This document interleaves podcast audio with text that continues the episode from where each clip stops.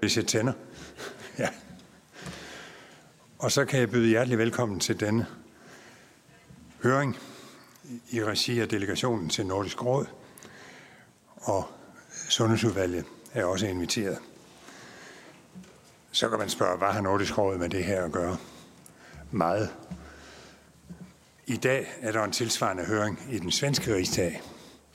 Jeg ved ikke, om Magdalene Andersen deltager. Hun laver nok andet.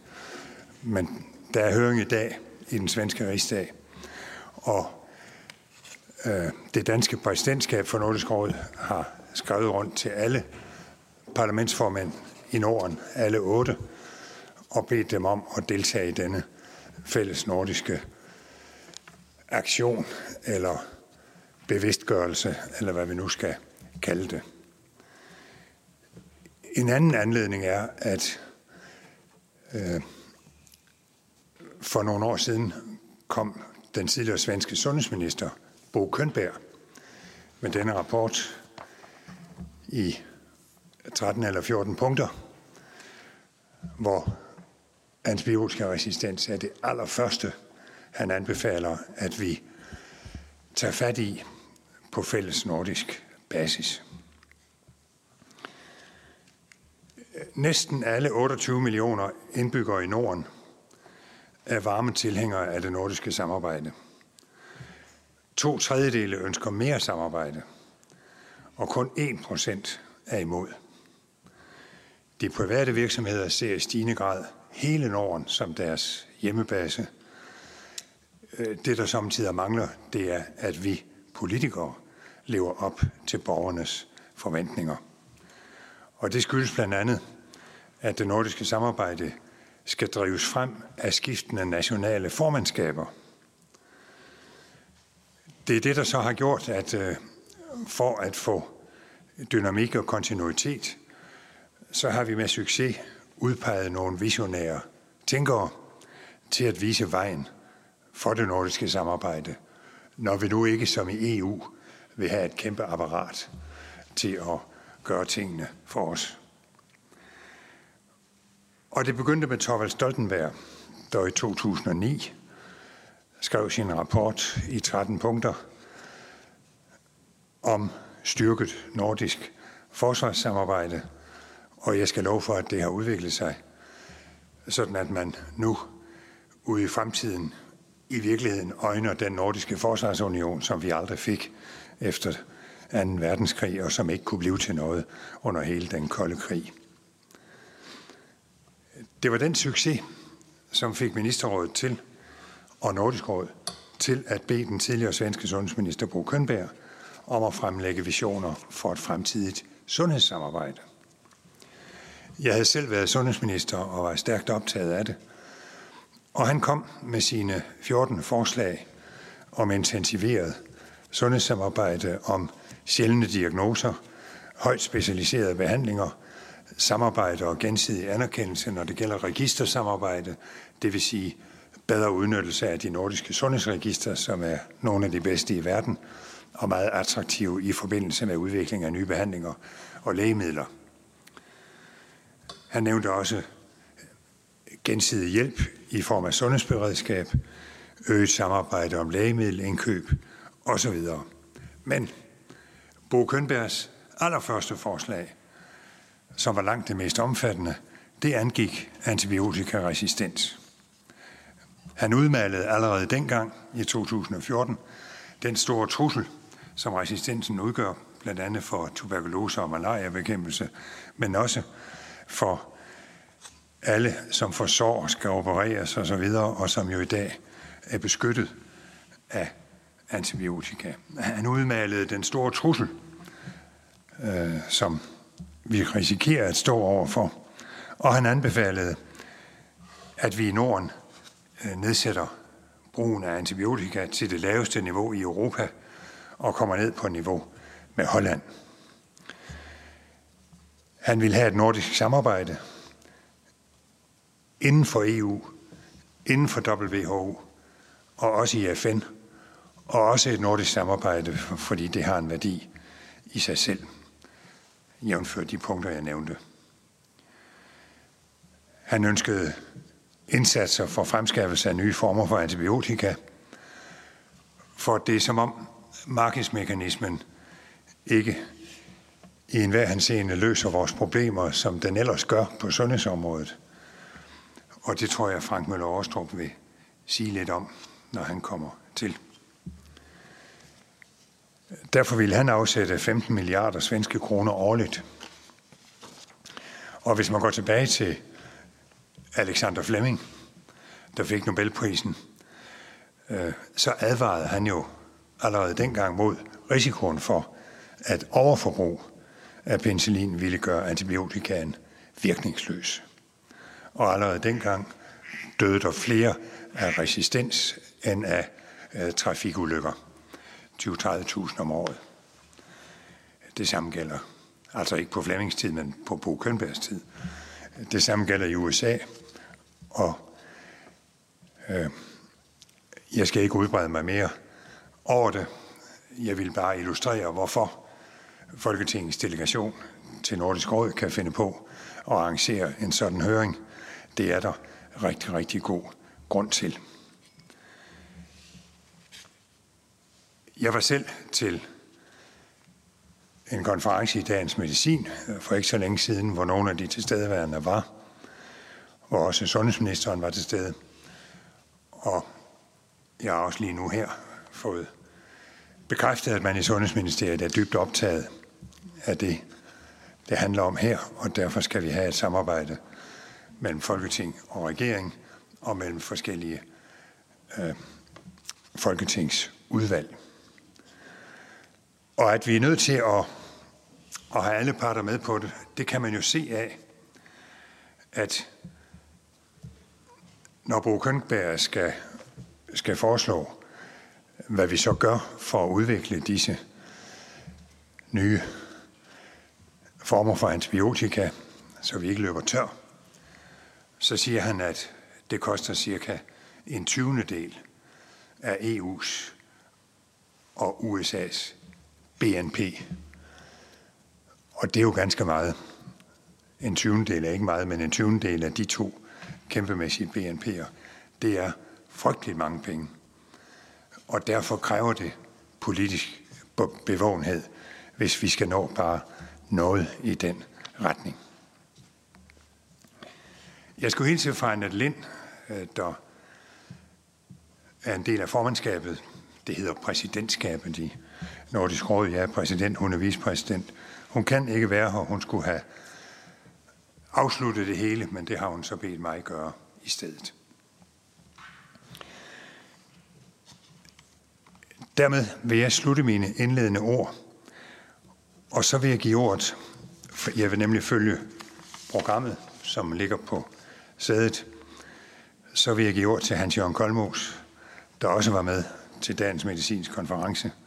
Og jeg ved, hvor pædagogisk og hvor spændende og hvor alvorligt han kan beskrive den problemstilling, vi her er samlet om.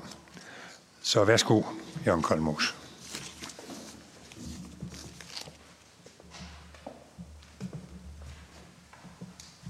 Tak for det.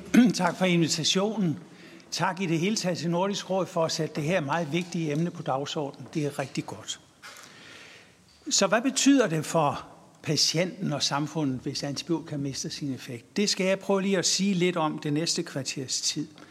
Og øh, sagt, nu skal vi lige se, om vi kan, det kan vi godt. Der var den. Øh, sagt meget kort, så kan man sige, at for patienterne har det den konsekvens, at vi vil se en øget dødelighed, vi vil se en øget sygelighed, vi vil se flere komplikationer og bivirkninger til behandling, og, for, og der vil være længere indlæggelser, som jo altså også har en, en konsekvens for samfundet. Og for samfundet vil det betyde meget dyrere behandling. Så der er rigtig meget på spil. Og det vil jeg gerne uddybe i de kommende øh, slides. Se, hvis man taler om dødelighed, øh, så, kan det, øh, øh, så øh, gælder det sådan meget groft, at hvis man bliver, får en alvorlig infektion med en multiresistent bakterie, øh, så er øh, dødeligheden efter infektionen, den er sådan cirka dobbelt så stor. Det kan eksemplificeres, som det er her, med MRSA. I stafylokokkerne, som kan optræde de fleste, heldigvis stadigvæk relativt følsomme, måske resistente for penicillin, men det er så også det. Men der er jo også stafylokokker, som er meget mere resistente. Det er de såkaldte MRSA-bakterier. Og hvis man ser på, hvad er prognosen for patienten, når man har haft en, får en alvorlig infektion med følsomme stafylokokker, så kan I se på den øverste stiplede graf, at øh, prognosen er cirka 80 procent. De er i live på den lange bane. Og det er jo egentlig meget godt. Øh, men hvis man er så uheldig at få en MRSA-infektion, øh, så kan I se, så er halveres, altså, eller så forværres prognosen, altså så er der kun 40 procent i live. Så det betyder jo altså noget, det her. Og det her, det er bare vist for stafylokokker, men man kan vise nøjagtigt det samme for andre resistente bakterier også. Altså pointet, det betyder, at man får en meget højere dødelighed. Og det kan vi dokumentere. Hvis man skal måle det her, hvad det betyder for patienterne, sådan lidt mere, kan man sige, på en lidt mere sofistikeret måde, så kan vi måle det i dailies, som står for Disability Adjusted Life Years. Og det er jo altså et mål for den samlede sygdomsbyrde øh, ved antibiotikaresistens, udtrykt som antal tabte leveår på grund af dårlig helbred, invaliditet og for tidlig død. Så vi tager os det hele med her. Og hvis vi måler med den målestok, jamen så kan vi gå ind i et stort europæisk øh, studie, som blev publiceret for et par år siden, og se, hvad det her egentlig betyder, og hvad er risikoen ved antibiotikaresistens målt i dalis, når vi kigger ud over den europæiske befolkning. Øh, og i forhold til, hvad er det for nogle resistente bakterier, som vi snakker om. Og det I kan se her, det er, at det rammer, øh, sådan som det mange infektioner gør, det rammer i de yderste ender af livet. Det rammer især de nyfødte, og det rammer de ældre aldersklasser først og fremmest. Og hvad er det så for nogle bakterier, vi står med, resistente bakterier? Ja, det er først og fremmest resistente tarmbakterier, kolibakterier og andre øh, lignende tarmbakterier, som kan blive resistente over for alle penicilliner og cephalosporiner. Det er det, der er vist med de orange øh, øh, søjler. Øh, det er jo slemt, fordi øh, det betyder, at vi ikke kan bruge de almindelige forekommende antibiotika på hospitalerne.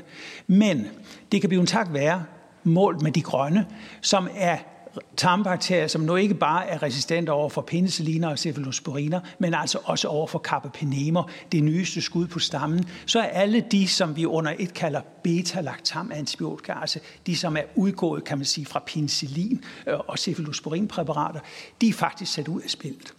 Men det er jo ikke det eneste. I kan også se den tredje øh, som vi, øh, resistensfaktor, som virkelig spiller en rolle. Det er MRSA, som vi nu allerede har set på. Øh, så det er altså de tre øh, hovedudfordringer, som vi har, hvor tarmbakterien, de resistente tarmbakterier, er det, der truer os mest lige i øjeblikket. Så kan I også se, at der er andre ting, som er på vej op. Altså resistente, øh, vancomycin-resistente enterokokker det er virkelig noget, som er begyndt at true os på hospitalerne hos de kritisk syge patienter. Rigtig øh, alvorlige problemer. Og ude i samfundet, der har vi også begyndende problemer med penicillinresistente pneumokokker, altså de, som giver er årsag til lungebetændelse, som man jo indtil nu har kunne behandle fuldstændig øh, komplikationsfrit med penicillin. Øh, det er ikke helt nyt, det har vi set, haft det i mange år, men det begynder altså at virkelig at vise sig som noget, en faktor, som betyder noget. Så der er altså masser af udfordringer i det her. Øh, hvis vi kigger ud over landkort, det europæiske landkort, så kan vi også se, at det rammer ikke lige tungt alle steder.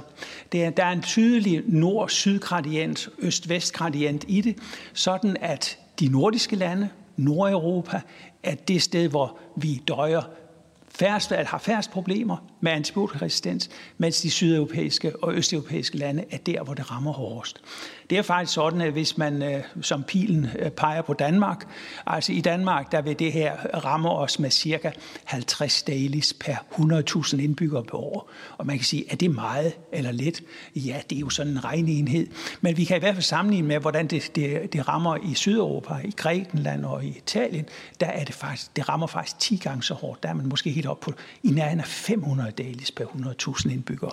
Så altså, det rammer vidt forskelligt ud over de europæiske lande, og det hænger jo blandt andet sammen med antibiotikaforbruget, som er øh, ret forskelligt fra syd, øst og så til nord og vest, hvor vi har et lidt mindre forbrug. Okay, i det daglige, der måler vi jo ikke dalis, men vi øh, kigger på vores patienter, vi behandler vores patienter, og hvis de har øh, en resistent bakterie, jamen, så må de i isolation. Og så får de sådan en skilt på døren, og så går man altså kun ind til dem, når det er nødvendigt. Og øh, det giver en faktisk en dårlig behandling. Det er ikke spor sjovt, eller spor godt for en patient at være isoleret. Man kunne tro, at så fik man da en enestue i det danske sundhedsvæsen. Men det skal man ikke ønske sig. Det er en rigtig dårlig, kan man sige, enestue, man får. Fordi man får simpelthen dårligere behandling og pleje. Halvt så mange personale kontakter. kortere behandlingskontakter, øh, personalkontakter, når der endelig banker noget personale på. Man får en mere besværlig adgang til undersøgelse og behandling, det vil sige, at liggetiderne bliver simpelthen længere. Systemet kommer til at fungere træere. Og de her patienter, som er så uheldige at komme i den her situation, de har faktisk dobbelt så mange utilsigtede hændelser. Og hvad er utilsigtede hændelser? Ja, det er jo, hvis man ved et uheld falder ud af sengen, for eksempel. Eller at det drop, øh, som man har sat ind i en, en blodår, altså det kommer til at gå subkutant, altså løber ud i vævet. Altså, det skal man jo helst opdage rimelig hurtigt, men altså her, ved, ved, der kommer det altså øh, til at ske lidt senere. Så der opstår altså flere af den slags utilsigtede hændelser. Og sidst men ikke mindst, så er det en stor psykisk belastning for vores patienter. Det er noget, som de alle sammen kan fortælle, hvor ubehageligt det var at ligge derinde for lukket dør og møde et personale med mundbind, overtrækskittel og alt det der, som vi er jo blevet så sørgeligt vant til nu her øh, i forbindelse med covid-19-pandemien. Altså det er det jo det, vi ser nu på vores hospitaler. Men det er for patienterne, det er ikke nogen god oplevelse i forhold til at møde sundhedspersonalet. Det der med isolation øh, og på grund af resistente bakterier, det kan vi jo sådan, det kan man godt omsætte til noget mere konkret. Og øh, her er det en øh, kanadisk undersøgelse, hvor man har kigget på, hvad betyder det, når man er i isolation på grund af de her MRSA-bakterier, de her resistente stafylokokker. Hvad betyder det sammenlignet med, hvis man har en infektion med en følsom stafylokok, hvor man jo altså ikke skal være i isolation. Og det korte og lange er her, vi genfinder også i den her kanadiske undersøgelse, som er lavet på fire store hospitaler i Toronto, Væsentlig højere dødelighed, længere liggetid, flere genindlæggelser efter 30 dage, som udtryk for, at den behandling, som vi giver de her patienter med resistente bakterier, og som vi giver til isolerede patienter, den er altså ikke lige så god, som den behandling, patienterne ellers får. Så det fører simpelthen til flere genindlæggelser. Og sidst men ikke mindst, behandlingsudgifterne de eksploderer. Det øh, kan man selvfølgelig godt forklare ved, at de, de her patienter ligger længere. Det koster at ligge i en seng. Så alene af den grund bliver det dyrere. Men det betyder også noget med det medicin, som vi giver til patienter, og specielt de antibiotika, de bliver nemlig også meget dyre. Og det er vist på det her billede. Nu tager vi igen MRSA, fordi det er jo sådan et godt eksempel, som, som de fleste kender. Og øh, øh, se, øh, til venstre for den stiplede røde linje, der kan I se, der står MSSA. Og det står simpelthen for følsomme stafylokokker. Og øh, sådan nogle følsomme stafylokokker, dem, kan man jo, dem kunne man på Flemmings tid endnu før der var noget, der sådan rigtig for alvor hed resistens, dem kunne man behandle med helt almindelig penicillin. Og det var jo en gylden tid, men ret hurtigt lærte stafylokokkerne trække og udvikle enzymer, som nedbryder penicillin. Det gjorde ikke så meget, fordi vi fik ret hurtigt nogle andre penicillinpræparater, som kunne, kunne modstå de her enzymer fra bakterierne. De der såkaldte stafylokokpenicilliner, flukloxacillin for, for at tage et eksempel her. Og I kan se her, var det dyrt? Nej, ikke rigtig dyrt. Det er der, hvor vi er stadigvæk heldigvis. Altså 95 procent af vores stafylokokker i Danmark, de er faktisk stadigvæk sådan nogen, der hører til på den venstre side af den røde streg. Øh, hvis vi sætter penicillin til 1, 1, så kan I se, så, øh, så fordobler vi måske behandlingsudgifterne til stof ved at så skal bruge et penicillinase-resistent penicillin. Det gør ikke så meget. Det har vi stadigvæk råd til. Men prøv at se, når vi hopper over på den anden side af stregen, når vi skal til at kigge på de MRSA-bakterier, så begynder det at blive dyrt. Vancomycin, som er stoffet, som vi behandler de her patienter med, mange af dem i hvert fald, I kan se, det betyder faktisk, at alene i udgifter til antibiotika, der stiger øh, udgifterne med en faktor 10-15. Øh, så det er, jo, det er jo sådan set noget, der vil noget, altså. Og helt galt går det, hvis vi behandler med nogle af de nyere antibiotika. Det der billede er, er nogle år gammelt, så det er ikke engang de allernyeste antibiotika. Man kan se, at de nyeste, det er de dyreste. Og det er der ikke noget mærkeligt i, fordi medicinalfirmaerne skal selvfølgelig have deres investering hjem. Det koster en milliard dollars at udvikle et nyt antibiotikum. Det er simpelthen så tæskedyrt, og derfor er der ikke noget mærkeligt i, at nye antibiotika koster rigtig meget. Men det får altså den konsekvens for, øh, for sundhedsvæsen, at vi får væsentligt højere udgifter. Så hvis vi nu skal samle det op øh, nok en gang, hvad betyder det her så? Ja, det betyder, som vi har set, øget dødelighed og sygelighed øh, for patienterne. I Danmark 50 dalis per 1000, 100.000 indbyggere. I Sydeuropa op til 10 gange flere. Og vi kunne også sige resten af verden. Øh, rammer især de nyfødte og ældre. De får et længere sygdomsforløb. De får flere komplikationer og bivirkninger. Det bliver en meget dyrere behandling. Og for sundhedsvæsenet betyder det, at vi måske på den lange bane må til at overveje, om der er behandlinger, vi simpelthen må fravælge. Altså der er patienter, der findes simpelthen findes patienter, som vi ikke tør tilbyde en bestemt behandling, fordi vi ikke har effektive antibiotika til at behandle. Det er selvfølgelig et mega dystert scenarie.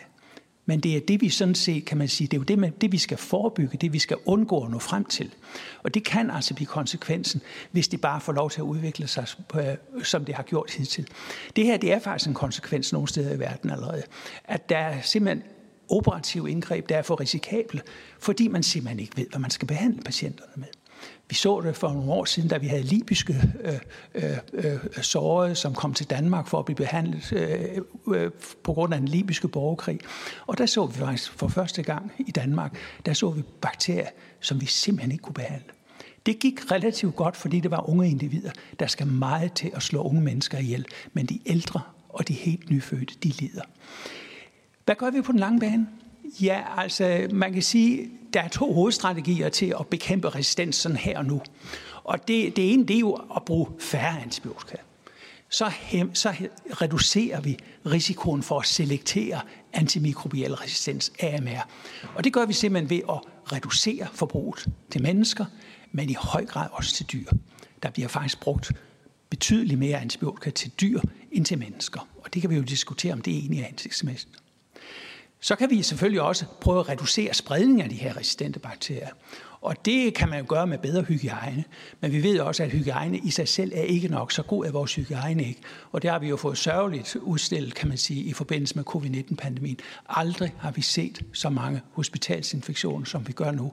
Vi har virkelig fået udstillet, at der er en opgave nu at få hygiejnen top-tuned.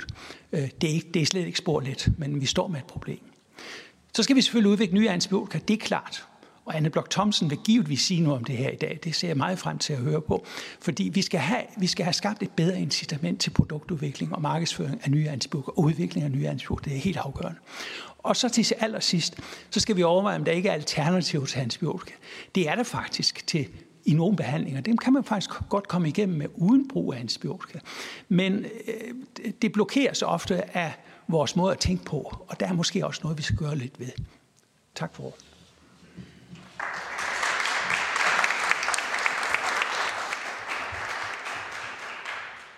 Tak til Hans Jørgen Kolmos. Der er tid til et par spørgsmål, men det synes jeg, vi skal vente med, til vi har hørt Ute Wolf Søngsen, fordi hun skal tale om noget, der ligger i direkte forlængelse af det, vi lige har hørt. Så vil der derefter være mulighed for spørgsmål til de to, inden vi går frem til de næste, til de sidste to talere. Værsgo. Tak. Tusind tak. Og tak for at blive inviteret, og tak fordi I tager det op. Det er rigtig dejligt og meget vigtigt. Og jeg kan se, at der sidder blandt publikum rigtig mange, jeg kender, som arbejder med det her på daglig basis, men der sidder også et par, jeg ikke kender, som jeg tænker, vi skal have med i kampen, hvis ikke de allerede er der. Øhm, jeg er overlæge på Statens Serum Institut. Jeg er i øjeblikket også det, der hedder øh, Technical Officer for WHO, WHO i øh, København hvor jeg arbejder med øh, Europaregionen, og for WHO så dækker det jo ikke kun EU-landene, men det dækker også ikke EU-landene, det dækker Centralasien og den russiske federation. Øh, og derfor var det ret interessant, Bertel, at du nævnte blandt andet tuberkulose, som jo er et kæmpe problem i den del af regionen, som WHO dækker, øh, og som faktisk også sagtens skal blive et problem for Danmark også i fremtiden. Og det betyder i allerhøjeste grad noget, hvordan vi bruger antibiotika, både for at kunne behandle dem, der har tuberkulose, øh, men også for at kunne øh, sikre, at der er færre patienter, der bliver syge af tuberkulose, fordi de bliver smittet af alt muligt andet. Men det var lidt et sidespring. AMR er forbundet med betydelige omkostninger. AMR står jo for antimikrobiel resistens. Vi skal tale om antibiotikaresistens i dag. Det her det er en øh, figur fra Verdensbanken, der beregnede, øh, hvordan det så ud med de ekstra udgifter, der er forbundet med øh, det, man kalder household taxes, altså hvor meget betaler man i sundhedsomkostninger for patienter, der lider af en antibiotikaresistent infektion. Øh, og det, de tog som udgangspunkt, var øh, det antal infektioner, der havde været fra 2005 til 2010, og så estimerede de sig frem til, hvis intet skete, hvordan ville udviklingen så være over tid, og hvis der skete noget, øh, som for eksempel, øh, at man var bedre i stand til at kontrollere noget af det, øh, så kunne man lave andre forudrettede beregninger. Og I kan se, at øh, det, de kalder high AMR, øh, er en ganske dramatisk stigning i omkostningerne. Så. Sådan. Og den her har jeg allerede set. Øh, den viste Hans Jørgen jer. Det her er den beregnede belastning, der følger med antibiotikaresistente infektioner i Europa. Det er tal fra 2015. Øh, de ser formentlig lidt anderledes ud i år, øh, blandt andet fordi covid-19 har skubbet lidt til en del ting, både den ene og den anden vej. Øh, I kan se, at alle de nordiske lande de ligger nede i bunden. Danmark er markeret med et lille rødt flag. Island ligger helt aller, aller nederst. Øh, det, der altid er lidt svært i forhold til Island, er, at øh, man altid gør sådan noget op per befolkningsgruppe. Det vil sige, at i det øjeblik, hvor de får et udbrud, så ryger de op af listen, og når de ikke har noget, så ligger de helt nede i bunden. Så lidt forbehold i forhold til tal fra Island, hvad det angår. Øh, men i øvrigt kan I se, at, at det, der fylder mest i alle landene, faktisk det er den første og den anden øh, som er dels resistens over for tredje generations cefalosporiner, og dels resistens over for carbapenemerne, som Hans Jørgen også allerede nævnte, og det gælder tarmbakterierne, nemlig E. coli og Klebsiella. Så så det jo ret godt ud i Nordeuropa. I virkeligheden så er der noget at være bekymret for. Øh, det er der. Der er blandt andet den bekymring, at vi har mange flere invasive infektioner, end vi nogensinde har haft. Det bliver ved med at stige.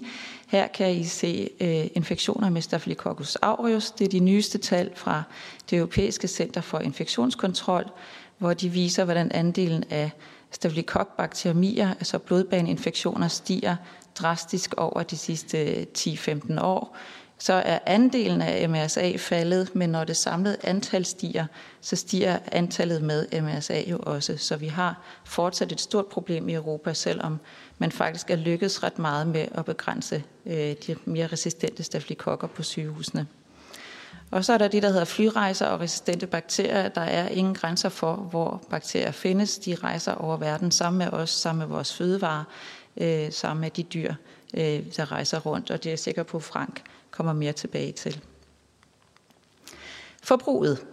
Det her er øh, en publikation, der kom i juni i år. Den viser det samlede antibiotikaforbrug for øh, Europa og WHO, Europa-regionen. Øhm, og I kan se, med en lille sort kasse har jeg markeret gennemsnittet for henholdsvis EU-landene og ikke-EU-landene. Øh, og så kan I se, hvordan vi til venstre igen har lande med et højt forbrug, og de matcher fuldstændig det, I lige før så i forhold til resistens. Det er Grækenland, det er Tyrkiet, det er Italien, øh, og i den anden ende har vi de nordiske lande. Og I kan se, der også er et hop, øh, som nærmest starter med Danmark, tror jeg, øh, hvor vi faktisk ligger forholdsvis lavt i forhold til resten af Europa. Og det her, det er så det samlede forbrug, og det opgør man i standarddoser. Det har man gjort for at kunne sammenligne på tværs af landene. Øhm, og øh, man har på et tidspunkt øh, lavet et, en vurdering, der hedder, at hvis man som land ligger med et samlet antibiotikatryk, altså har et samlet forbrug, der ligger på under, under 15 øh, definerede standarddoser per døgn per 1000 indbyggere, så vil man formentlig ikke fremme forekomsten af AMR i landet. Det skal man nok også tage lidt med forbehold, men samlet set går det rimelig godt i de lande, der ligger under 15. Og her er tallene så for dyr og mennesker samlet. Det er så tal fra 2017. Øh, og nu står de alfabetisk, så nu skal I lede lidt, hvis I skal finde vores nordiske naboer. Øhm, men I kan se, at øh, det grønne er forbruget til dyr, og det blå er forbruget til mennesker. Og nu er det opgjort ikke i standarddoser, men i de aktive stoffer, nemlig i milligram per kilo biomasse. Øh, og der tror man samlet set på, at hvis man kan ligge med et lavere forbrug til dyrene end til menneskerne i et land samlet set, øh, så vil det være fordelagtigt for forekomsten af resistens. Øh, Danmark ligger ganske pænt. I kan se, at der også er nogle lande, som har betydeligt dyre forbrug. Hvordan ser det så ud i Norden? Det her det er tal, øh, der viser de sidste øh, 20 år, øhm, og jeg har været nødt til at dele dem op, så for oven har I Danmark, Norge og Sverige, og for neden der har I Finland og Island. Øh, og I kan se, hvis I kigger på y-aksen, at vi faktisk ligner hinanden ret meget. Vi ligger der mellem de 10 og 15 standarddoser per 1000 indbyggere per dag. I kan også se, hvis I følger den grønne kurve, som er den danske, at det er gået op og op og op indtil 2012, og så er det faktisk gået ned sidenhen. Norge har ligget mere stabilt, øh, og Sverige toppet helt tilbage i 5-6 stykker og har siden da øh, vist betydelige reduktioner.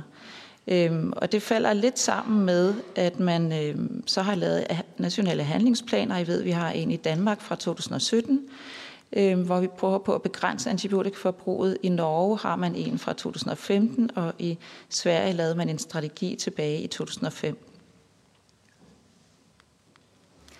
Det var så primærsektoren, altså det, der bliver købt og brugt ude i befolkningen, dem der ikke er indlagt. Til højre, der har vi så forbruget på hospitalerne. Der laver Danmark sådan et mærkeligt hop. Det tror vi faktisk er en fejl. Vi ved ikke, hvad det skyldes.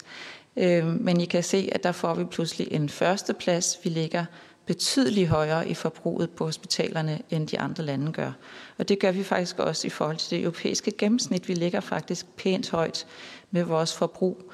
Og det har formentlig noget at gøre med den måde, vi har organiseret os på.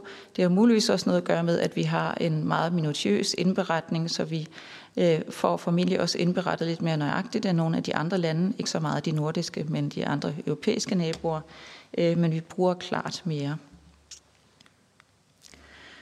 Hvordan ser det så ud, når man kigger ned på de enkelte stofgrupper? Det her det er så tal fra 2017. Dem har jeg desværre ikke øh, nyere tal på.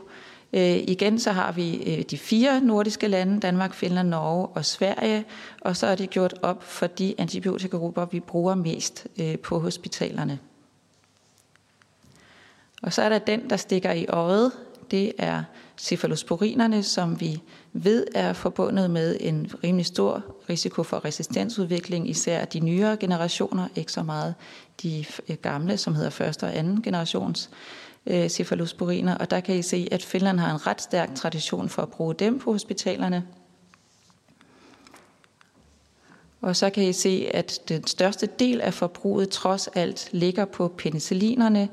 Øh, det gør den for alle de nordiske lande, men med små præferenceforskelle. Øh, og Danmark har øh, mesterskabet eller vinder førstepladsen, hvad angår brug af penicilliner med udvidet spektrum. Og det kommer jeg tilbage til om et øjeblik. Så tilbage til den her figur fra Europa. Øh, hvis I nu kigger på de farver, I kan se i de enkelte søjler, så kan I se, at det lyseblå, det er penicillinerne. Øh, og hvis I kigger hen på de nordiske lande, så kan I se, at andelen af penicilliner brugt i de nordiske lande er ganske højt. Øh, og faktisk har Danmark, er Danmark verdens førende i forhold til at bruge mest penicilliner i forhold til alle andre antibiotikaklasser. Vi bruger jo så dog stadigvæk måske lidt for meget. Her kan man se lidt, hvad er det så, vi bruger dem til. Øh, og hvis I lige tænker tilbage på det, jeg sagde før med penicilliner med udvidet spektrum, så bliver de især brugt til urinvejsinfektioner. Vi har i Danmark et stort problem med urinvejsinfektioner. Jeg tror sådan set ikke nødvendigvis, at der er alt for mange, der unødvendigt bliver behandlet, men der er til gengæld rigtig mange, der nok unødvendigt har en urinvejsinfektion. Øh, og det skal vi gøre meget mere ved og forebygge snarere end behandle.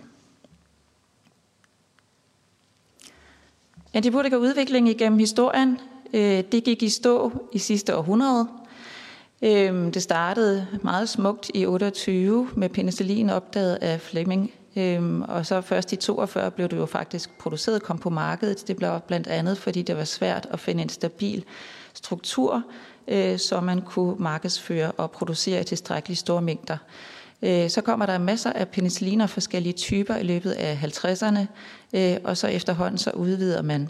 Og, og det som pilen viser lidt, I kan se pilen ligesom tilstår i størrelse, er, at jo nyere stofferne er, jo kortere tid vi har kendt til dem, jo mere bredspektret er de også. Altså jo større virkningsmekanismer har de. Så, så i modsætning til penicillinerne, som jo ofte dækker kun én slags bakterie, så dækker rigtig mange af de nyere antibiotika rigtig mange bakterier, og får derfor også rigtig meget betydning for det miljø, de rammer, som for eksempel kan være tarmsystemet hos en patient.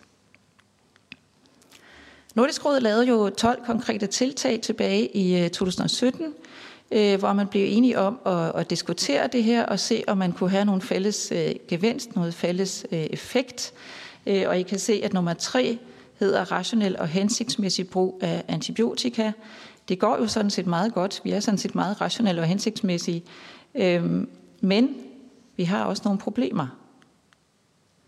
Øh, og det, der blandt andet er vores meget store problem, er jo lige præcis vores forbrug af penicilliner.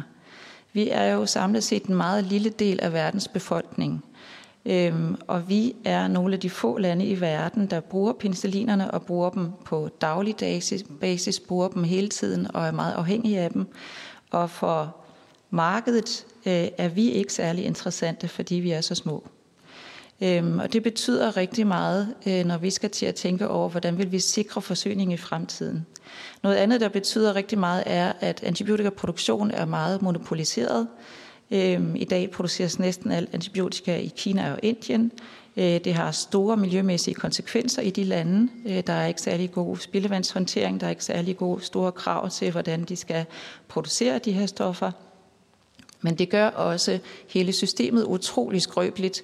Når vi kigger på, øh, hvordan det går med antibiotikaleveringer til Danmark, så har vi de sidste mange år haft kæmpe store problemer med at få visse antibiotika. Øh, nogle gange er vi heldige, at vi kan købe dem af nabolandene. Så skubber vi til gengæld til deres forbrug af de bredspektrede. Øhm, nogle gange så kan de få firmaer, der er tilbage, op i deres produktion.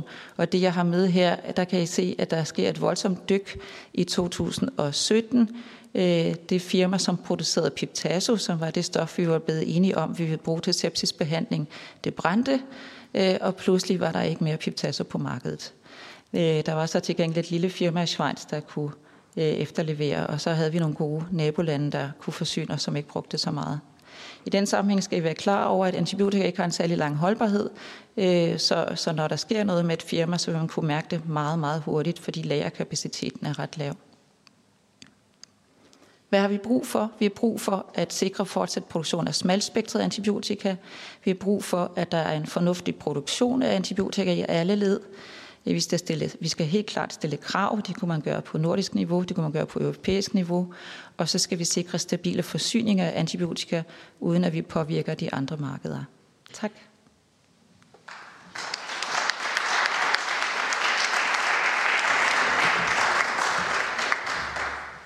Tusind tak til Ute Wolf Sønksen, som jo altså er overlæge på Serum Instituttet, som jo har haft nok at lave de sidste par år, men, men som jo altså også på en eller anden måde er vores rådgiver og vores ansvarlige, når det gælder det alvorlige problem, vi taler om her. Når man har haft en meget nærtstående slægtning, som har ligget i månedsvis og ventet på, om der nu var noget, der kunne bekæmpe stafylokokkerne, så, øh, så forstår man udmærket, hvad det er, det handler om her. Øh, vi har nu fået banen kridtet op i al sin alvorlighed, men det er jo ikke kun sort, det vi har hørt. Øh, vi kommer senere hen på, om der er mening i fælles nordisk aktion. Og det økonomiske bliver vi også nødt til at tale om. Men først synes jeg lige, at vi skal bruge de 10 minutter, vi har, til spørgsmål til de to oplægsholdere, vi har hørt, så vi kan Ja, værsgo. Der kommer en mikrofon. Der kommer en stang der. Ja, det er et spørgsmål til Hans Jørgen. Øhm, du nævnte, der er nogle ting, man kan gøre, som ikke er at bruge antibiotika, men som vores måde at tænke på måske bremser os i. Vil du ikke sige noget mere om det? Jo, det vil, jeg, det vil jeg da gerne. Øhm, et eksempel kunne være øh, for eksempel, at vi øh, øh, til sårinfektioner, brændsår ude i verden, der har man vidst i århundreder, at honning er et fuldstændig formidabelt sårhelingsmiddel. Det er vi også begyndt at bruge i vores sårhelingscentre, hvor vi arbejder med kroniske sår. Det er besværligt, fordi øh, folk er ikke vant til det, og patienterne er i virkeligheden ikke særlig glade for det, for det, det svir og gør ondt. Men det, og det fedter, og det klistrer. Men det er faktisk ret effektivt. Og der er jo et eksempel på noget, man kan produktudvikle. Vi øh, gør i øjeblikket det, at vi, øh, vi, øh, vi bruger, det er selvfølgelig ikke sådan almindelig honning, altså det er selvfølgelig medicinsk honning, så det er noget, der er steriliseret, og det er noget, vi får faktisk fra New Zealand, fordi der har man en særlig effektiv type honning. Så det er bare et eksempel på, at man kan, man kan altså godt tænke anderledes. Vi bruger også sølvbandager til vores patienter. Det er vi knap så begejstrede for, fordi der er nok en anden kobling, der er i hvert fald en risiko for, at der er en kobling imellem resistens over for de her tungmetaller og antibiotika. Det har vi set i landbruget, hvor der er en kobling mellem zink og antibiotika øh, omkring de her MRSA-bakterier i, i svinebesætningerne. Og, og det gælder, det er ikke kun zink, altså det gælder også, altså også de andre øh, tungmetaller i virkeligheden. Det kunne Frank i øvrigt også sige meget mere om. Øh, så øh, øh, det er bare for at nævne et eksempel, øh, at der findes faktisk anden derude. Og så vil jeg jo sige, altså nu, nu nævnte jeg de her libier, og fordi det var så grænseoverskridende en oplevelse at stå på et stort universitetshospital med en hel masse patienter med nogle bakterier, som vi ikke havde nogen antibiotika imod. Det gik forbavsende godt, fordi vi havde nogle guddommeligt dygtige kirurger. Så altså god kirurgisk teknik i sårinfektioner for eksempel, altså til at behandle sårinfektioner og behandle i hele taget til at lave kirurgi. Det kan også forebygge antibiotika, som i den sammenhæng sådan er lidt sådan, kan man sige, det, det er sådan noget, man gør, når, når, når kirurgien måske ikke er helt top -tune. Nej, det er så, altså, man kan ikke undvære antibiotika. Men altså, det er bare for at nævne det. Altså, der findes andre veje. Men vi har det sådan lidt med, det, det, altså, vi er ikke sådan helt gearet til at tænke i de baner. Og, og det, når jeg nævner det der eksempel med honning, så er det fordi, altså, vi, vi læger, vi stejler jo lige med det samme og siger, det er jo naturmedicin, og kan vi bruge det? Det kan vi faktisk godt. Det er ovenikøb undersøgt. Værsgo. Jeg hedder Jenny Dahl øh, fra Rigshospitalet. Øh, jeg vil spørge, om øh, de to foredragsholdere har overvejet, hvad der skal være af ulempeindikatorer, når vi nedsætter antibiotikaforbruget. Fordi det er, jo helt, altså det er jo nemt at finde de positive sider, men der er formentlig også nogle negative sider. Jeg tror, det bliver mest levende, hvis vi svarer med det samme. Hvem vil svare? Øh, jo, bestemt. Øh, og så samtidig er det jo helt utrolig svært, fordi øh, vi taler jo, når, nej, der er to forskellige steder, hvor vi prøver at reducere forbruget. Det ene det er jo i primærsektoren, der er det lidt nemmere, øh, fordi situationen ofte er langt mere ukompliceret, og man har mere tid. Øh, og så er der på hospitalerne, hvor situationen er en helt anden. Vi har jo de der tre øh, punkter øh, på handlingsplanen, øh, hvor den anden for primærsektoren jo handlede om, at andelen af penicillin skulle være højere i forhold til de andre antibiotika. Øh, det tænker jeg øh, for eksempel, at, at der bliver vi samtidig nødt til at være sikre på, at praksis så faktisk kan tage de prøver, der er nødvendige. Øh, fordi vi taler rigtig tit om øh, urinvejsinfektioner, øh, så vi skal se på, hvordan flytter resistensen sig i praksis, når vi reducerer meget på vores forbrug, og når vi skubber meget til vores forbrug. Så en ulempe indikator kunne for eksempel være øh, og se på resistensforekomsten i urinvejsinfektioner i praksis. På hospitalerne tænker jeg stadigvæk, at øh, Clostridium difficile vil være rigtig godt øh, at bruge. Det er jo en, en positiv indikator, det er virkelig ikke en ulempe indikator, men vi tog den ikke med dengang. Øhm, en ulempeindikator er helt klart øh, fortsat at kigge på sygelighed og dødelighed øh, forbundet med bakterier. Øh, og for eksempel ved vi jo, at vi i Danmark, nu viste Hans Jørgen, Øhm, den der figur med MRSA versus MSSA med dødeligheden. Vi ved jo, at vi har en meget høj dødelighed på alle vores stafylokokbakterier i Danmark. Men jeg tænker, at vi skal ind og monitorere meget langt mere detaljeret. Måske kigge på øh, lokale kloner, og så se, om de flytter sig som følge af, at vores forbrug flytter sig. Øh, så, så mere detaljeret øh, og se på det bestemt. Ja. Jeg tror, jeg klart uden mikrofon. Jeg hedder Peter Elikvist. Jeg er infektionsmediciner på Herlev Hospital. Øh, det er nok mest til USE. Øh, vi ved, at de bredspektrede antibiotika, det er noget, vi hovedsageligt bruger på hospitalet. Der er forbruget så også mindre end i praksis. Øh, men risikoen for spredning af resistensgener vil jeg tro er størst for hospitalernes spildevandshåndtering for hospitaler. Er det noget, der er kosteffektivt? Nu nævnte du selv spildevandshåndtering fra de firmaer, der syntetiserer mange af de her antibiotika som et problem. Hvad med hospitalerne? Er det værd at sætte ind overfor? Altså hospitalerne skal jo have en særlig spildevandshåndtering. De, de kører jo under en anden øh, regulering end, end en, en standardhusholdning. Øh, så, så de er allerede omfattet. Hvor, hvor gode de er til det, det ved jeg ikke. Jeg ved, at man lavede, nu kigger jeg over på Frank, øh, jeg, ved, jeg ved ikke, om du kan huske resultaterne, men der, man, man lavede øh, forskellige øh, studier af, hvordan det så så ud øh, med de danske hospitaler. Man har det også fra udlandet. Øh, øh, men det, det, der nok i alt for os stadigvæk er en fordel, er, at vores forbrug af beta-lactam af øh, antibiotika er så høj, øh, og de opløses jo forholdsvis hurtigt, så vores øh, forbrug af de tungt opløselige, dem der faktisk giver et problem med spildevandet, er nok ikke så stor. Men øh, jo ikke negligerbart, tænker jeg. Eller hvad, Frank? Altså, jeg kunne udtale mig om det, vi har set. Det har været herlige hospitaler. Det fungerede jo aldeles øh, fortræffeligt. Øh, nu skal jeg ikke øh, advokere for nogle bestemte firmaer her, men det var godt nok effektivt. Øh, altså, vi kunne ingenting finde, hverken altså bakterier eller virus eller noget som helst.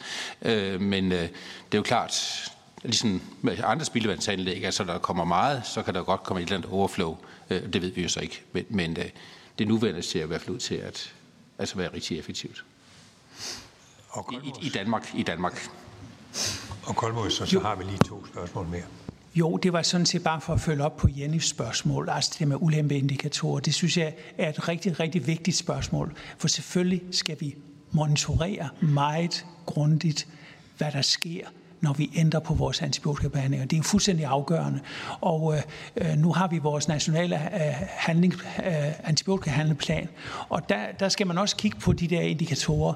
Øh, Ute nævnte det der med, at beta, altså penicillin, almindelig smalspektret penicillin, skal udgøre en relativt større andel af vores forbrug i praksissektoren. Og det strider jo i virkeligheden lidt mod det første, øh, den, det, det første krav, nemlig at vi skal reducere på antallet af recepter. For hvad har de praktiserende læger gjort? De har skåret rigtig meget ned på luftvejsinfektioner, hvor vi netop bruger penicillin.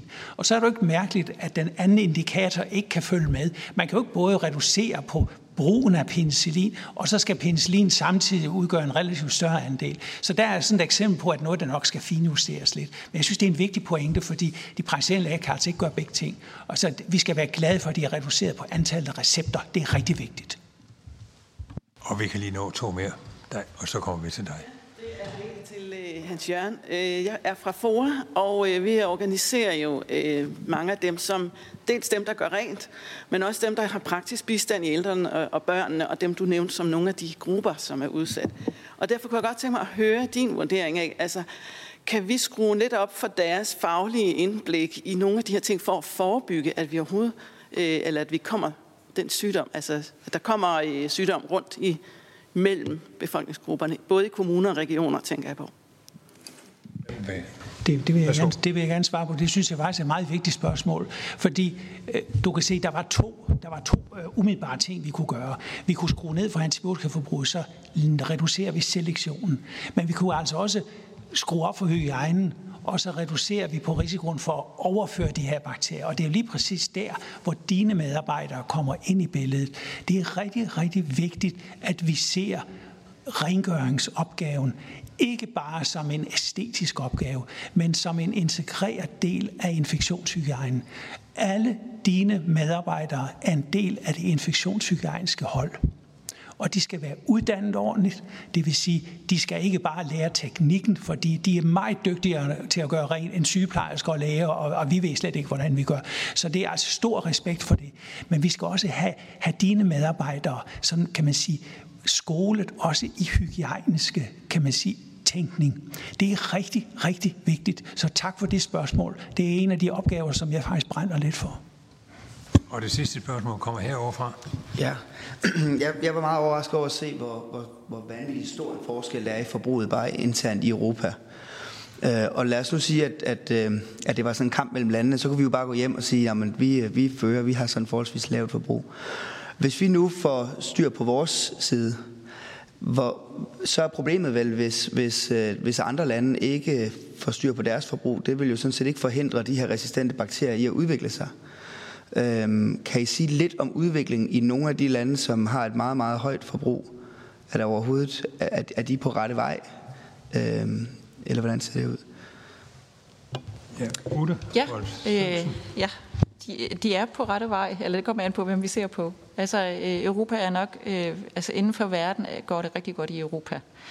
Øh, og så bliver man lidt overrasket, når man hører det, fordi vi så lige før, at det ikke går særlig godt i Sydeuropa, og i Østeuropa ved vi faktisk ikke, hvordan det går, fordi deres øh, data er så dårlige, altså de får simpelthen ikke indsamlet data godt nok. Øhm, så så øhm, der, der bliver skabt rigtig meget resistens. Du skal sådan set bare rejse til Italien, øh, du kan også rejse til Grækenland, hvis du vil. Øh, I Grækenland har man hospitaler, hvor man øh, vælger at isolere de patienter, der kommer ind med følsomme bakterier, for at de ikke skal blive smittet med alle dem, der er resistente. Øh, i Norditalien, som er sammenlignet med Danmark på virkelig mange måder, som har en fantastisk infrastruktur, et velfungerende sundhedsvæsen. Øh, de har utrolig mange infektioner med højresistente øh, gram-negative bakterier, altså tarmbakterier, øh, som jo florerer i Italien, øh, som måske opstår måske også kommer med flygtninge, kunne man sagtens forestille. Italien har været meget hårdt belastet af flygtningestrømmen, formår ikke at håndtere dem, og så vandrer bakterierne jo efterhånden op igennem landet. Øhm, på verdensplan ser det helt anderledes ud og meget værre øh, og nærmest katastrofalt. Så øhm, der er bestemt grund til at sige, at vi skal gøre noget i Danmark forstået som, at vi skal både screene, så vi ved, hvad der kommer ind. Vi skal være bedre til at forhindre, at smittespredning sker, når først den er i landet. Øhm, vi kan se nu, hvor øh, landet har været lukket ned på grund af corona, at, øh, at nogle af de højresistente bakterier, vi tidligere var overbevist om, altid blev øh, importeret med flyrejsende med folk, der stammede fra lande med en høj antibiotika, øh, et højt forbrug. Øh, der kan vi se, at det kunne vi udmærket selv klare. Vi har sådan set fortsat med at sprede dem, vi allerede havde. Øh, og så skal vi selvfølgelig også varetage den opgave, der handler om, at vi faktisk gør det så godt. Altså vi har utrolig meget erfaring på det her område. Øh, sammen med de andre nordiske lande, så vi førende. Der er ikke andre lande i verden, der gør det så godt, som vi gør det. Øh, og, og selvom vi sagtens skal gøre det bedre, og vi skal gøre det bedre, så skal vi også derud øh, og gøre en forskel for de andre lande, og dele vores viden med dem, og, og, øh, og også øh, dele vores erfaringer med dem. Og Kolmus til sidst. Ja, det, det er jo et god pointe. Skal vi overhovedet gøre noget, hvis vi ligger så lavt? Ja, det skal vi, for vi ligger slet ikke så lavt, som vi tror. Altså, der er rigtig stort forbedringspotentiale, også i Danmark. Vi skal jo ikke sammenligne os med italienerne. Vi skal sammenligne os med nordmændene, med svenskerne og med finnerne og islændingene. Og det er da lidt fascinerende, at nordmændene, de kan klare sig med mindre antibiotika, end vi gør. Hvorfor kan de det?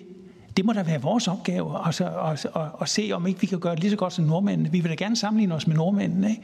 Så, så det, altså, der er et stort forbedringspotentiale. Også på hospitalerne, som vi har hørt. Vi ligger slet ikke så lavt i antibiotikaforbrug for vores hospitaler, som vi tror. Tak for denne første runde, hvor vi jo altså har hørt en, en professor fra Syddansk Universitet, en overlæge på Serum Instituttet, men nu skal vi så over til, til spørgsmålet om, hvordan vi så får produceret nogle flere penicilliner, når de gamle møder resistens.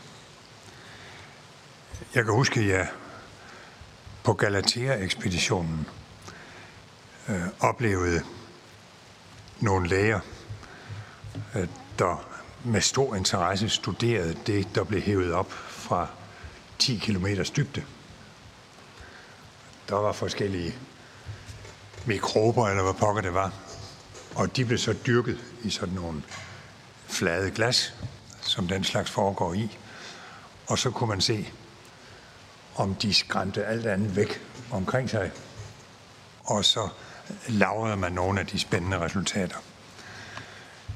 Jeg ved ikke, om der kom noget ud af det, men det siger jo lidt om, hvad forskning er for noget, og hvordan det altså kræver stor tålmodighed og mange eksperimenter, før man får udviklet medicin. Og jeg vil godt spørge også den næste taler, men sådan set jer alle, når vi kommer til en generel debat. Hvad er det vigtigste, vi gør i Danmark, og hvad er det vigtigste, vi kan gøre i Norden? De nordiske lande står stærkt, men hvis de lægger kræfterne sammen i EU, i WHO, øh, så kan det jo være, at vi kan få andre til at gøre noget mere. For det er vel her, som med coronaen, at vi er afhængige af, om man også i andre lande får bekæmpet resistensen. Fordi resistensen breder sig jo til Danmark. Så det er jo også en international sag i meget høj grad. Og derfor er det jo interessant, specielt efter at nu så mange af os er blevet stukket af Pfizer tre gange her den sidste tid, og høre en medicinsk direktør i Pfizer, Anne Blok Thomsen, fortælle om, om hvordan vi i fremtiden sikrer adgang til effektiv antibiotika. Værsgo. Ja, tak. Tusind tak, og mange tak for invitationen til at komme i dag også. Øh, vi glæder os jo over bare det, at vi har denne her høring i dag, øh, indikerer jo, at vi er flere og flere, som har indset, hvor stort et problem det her er, og at vi er nødt til at arbejde på en løsning i fællesskab. Øhm, vi har faktisk nu allerede hørt rigtig meget om, hvor vigtigt det er at udvise ansvarlighed, når vi anvender antibiotika. Det her med mådehold og pas på, at vi ikke bruger det for meget. Øh, det har vi hørt rigtig meget om, og det er det, vi kalder stewardship. Da jeg øh, blev læge for 25 år siden fra Aarhus Universitet, der lærte vi også rigtig, rigtig meget om det her stewardship. Vi lærte præcis det, som der står her, at de nye bredspektrede innovative antibiotika, de skulle stå aller bagerst i skabet. De skulle kun bruges i nødstilfælde, og de må ikke misbruges.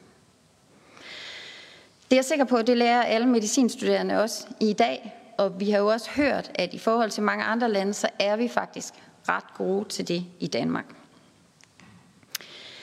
Så stewardship og forebyggelse og hygiejne, det er rigtig godt. Det skal vi blive ved med.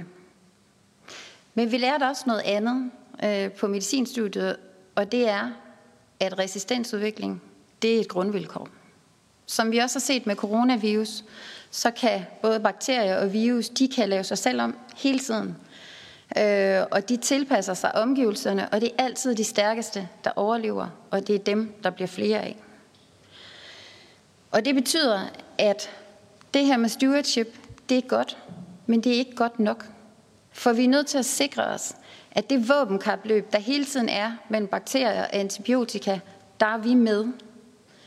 Vi er nødt til at sikre, at vi har adgang til antibiotika, som Ute også var inde på, og vi er nødt til at sikre os, at vi udvikler ny antibiotika, altså nye våben, til at bekæmpe de her bakterier med. Og lad os prøve at se på, hvordan det går med udviklingen af nye våben. Ute har også været lidt inde på det. Men det her det er en figur, der viser, hvor mange nye antibiotikaklasser, der er blevet udviklet over de seneste 100 år. Og når jeg snakker om antibiotikaklasser, så mener jeg grupper af bakterier, der har den samme, eller grupper af antibiotika, undskyld, der har den samme virkningsmekanisme. Og som vi kan se her, og som også allerede har været nævnt, så var det jo i 1928, Alexander Fleming opdagede øh, penicillinen, og siden da var der et kæmpe boost i innovation og udvikling af nye antibiotikaklasser. Men prøv at se, hvad der er sket de sidste 30 år. 0 i 90'erne, 0 i 0'erne, 0 i 10'erne og 0 i 2020. Der er total stillstand i opdagelse af nye antibiotikaklasser. Da jeg læste medicin, som jo var i 90'erne for rigtig mange år siden, der regnede vi der med, at der ville komme nye stoffer på markedet, ligesom der havde gjort før i tiden. Så jeg har aldrig nogensinde tænkt over, at det her det ville være et problem faktisk, før jeg blev ansat i Pfizer for to år siden, hvor vi ser den her problemstilling. Da jeg læste medicin, der var det jo sådan, at vi tænkte, det hører da til sjældenhederne, at nogle mennesker skal dø af en infektion, for vi kan sagtens behandle bakterielle infektioner. Problemet er bare, at vi har levet højt på al den innovation, der skete i det forrige århundrede. Men de sidste 30 år har bakterierne haft muligheden for at udvikle resistens, og de er kommet foran i våbenkapløbet, og vi er kommet bagud. Og konsekvensen er jo, som vi også hørte nogle eksempler på, at vi som læger kommer til at stå og kigge ind i et tomt medicinskab. Der er tomt på hylden nogle steder i verden faktisk allerede. Der er 700.000 tilfælde i verden, hvor der har været tomt på hylden allerede nu, for der er 700.000 patienter årligt på verdensplan, der dør af antibiotikaresistens. Men det er jo intet imod det scenarie, som WHO har tegnet for fremtiden, hvor de faktisk har regnet ud, at hvis vi ingenting gør nu, så vil der i 2050 være 10 millioner mennesker om året, om året, der dør på grund af resistente bakterier. Og problemet er, at det tager lang tid at udvikle et nyt antibiotikum. Det tager typisk 10 år. Så hvis vi gerne vil have noget nyt på markedet i 2030, så skal vi starte nu. Og for at sætte det lidt i perspektiv, så vil jeg gerne give jer tre tal nu. 10 milliarder, 3,5 milliard og 1,2 millioner. Hvad må der ligger bag? 10 år og 10 milliarder. Det er det, det koster at udvikle et nyt antibiotikum i gennemsnit. 3,5 milliard kroner, det er det, man typisk tjener på et antibiotikum i dag, og har tjent, når patentet udløber. For at sige det på godt jysk, det kan ikke betale sig. Det er en underskudsforretning. Hvad er det, der er galt med det her område? Jamen, der er jo det galt, at hvis vi i Pfizer udvikler en super god behandling, for eksempel øh, til ledegigt, så vil der være flere og flere ledegigtpatienter, der kommer på den behandling, og derfor kan vi tjene vores investering hjem, og hvis vi er rigtig heldige, kan vi også tjene på stoffet. Her er det jo lige omvendt. Hvis vi udvikler et rigtig, rigtig godt antibiotikum, så er både vi og samfundet og lægerne interesseret i, at vi skal bruge det så lidt som muligt. Det skal stå om bag os på hylden, fordi det er den måde, vi bevarer effekten på. Det er den måde, vi sikrer, at det her det virker i mange år fremad. Så det er jo faktisk det omvendte af, hvordan vi normalt ser markedet virker. For normalt, hvis du udvikler noget, som der ikke er nogen, der gider at købe, så må du holde op med at udvikle det. Så der er en markedsfejl her. Fordi det er jo ikke i nogen af vores interesser, at der ikke bliver udviklet nye antibiotika. Slet ikke i patienternes. Og de 1,2 millioner, som var det tredje tal, jeg viste jer før, det dækker over, hvor mange patienter om året i Danmark, der bruger antibiotika. Fra 2020 var det cirka 1,2 milliarder danskere, der fik antibiotika. Det er mange. Det er cirka 1 ud af 5.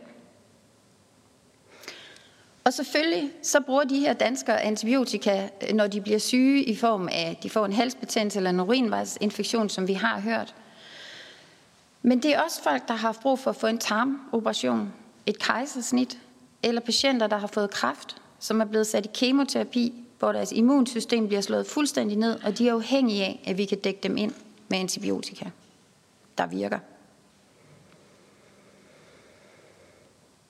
Og det er jo fordi, at antibiotika faktisk er et slags fundament for hele vores sundhedsvæsen. Der er rigtig mange procedurer og behandlinger i sundhedsvæsenet, som vi slet ikke ville kunne udføre, hvis ikke vi havde effektive antibiotika. Så jeg vil våge at påstå, at hvis antibiotika mister sin effekt, så er det ikke kun de her 1,2 millioner danskere om året, der får et problem. Så er det alle danskere. Fordi så har vi mistet det fundament, der er under hele sundhedsvæsenet. Så derfor skal vi til at tænke anderledes omkring antibiotika. Og som jeg sagde før, jeg havde ikke selv tænkt på det her faktisk før for nylig. Jeg tror, der er rigtig mange, der ikke ser det på den her måde. Men vi skal, vi skal måske tænke på antibiotika som en slags brændslukker. Vi har alle sammen sikkert en brændslukker der, hvor vi arbejder, men heldigvis er det de færreste af os sikkert, der har brug for øh, at benytte den. Men det er rart at have den, for den fungerer som en forsikring. Det er det, at vi ved, at hvis der kommer en ildebrand, så kan vi lynhurtigt slukke ilden. Ildebrand svarende til multiresistente bakterier. Vi skal lynhurtigt sørge for at slå dem ned, så de ikke breder sig.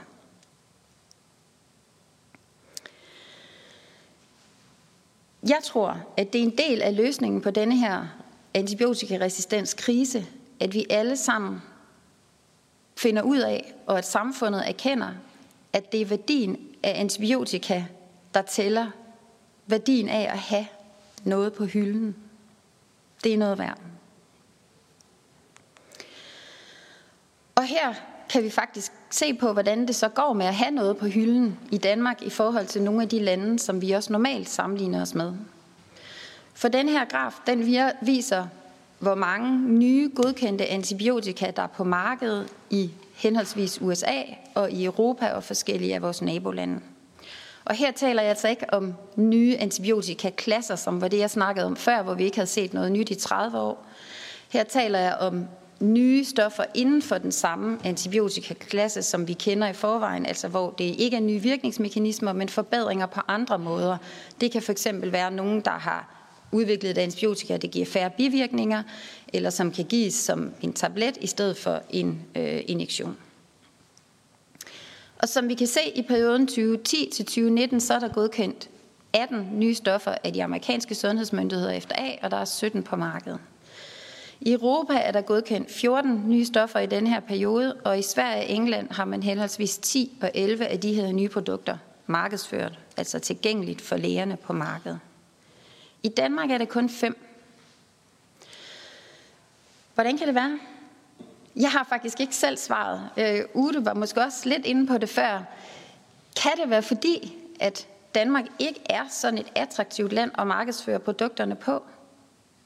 Kan det være fordi, at vi har det her tendersystem, hvor vi hver 14. dag laver en priskrig øh, for producenterne, og så er det kun dem med den billigste øh, pris, der kommer på markedet, hvilket er super fair, men det gør det bare rigtig, rigtig svært for producenterne at producere og forudsige, hvor meget skal der så laves til det danske marked.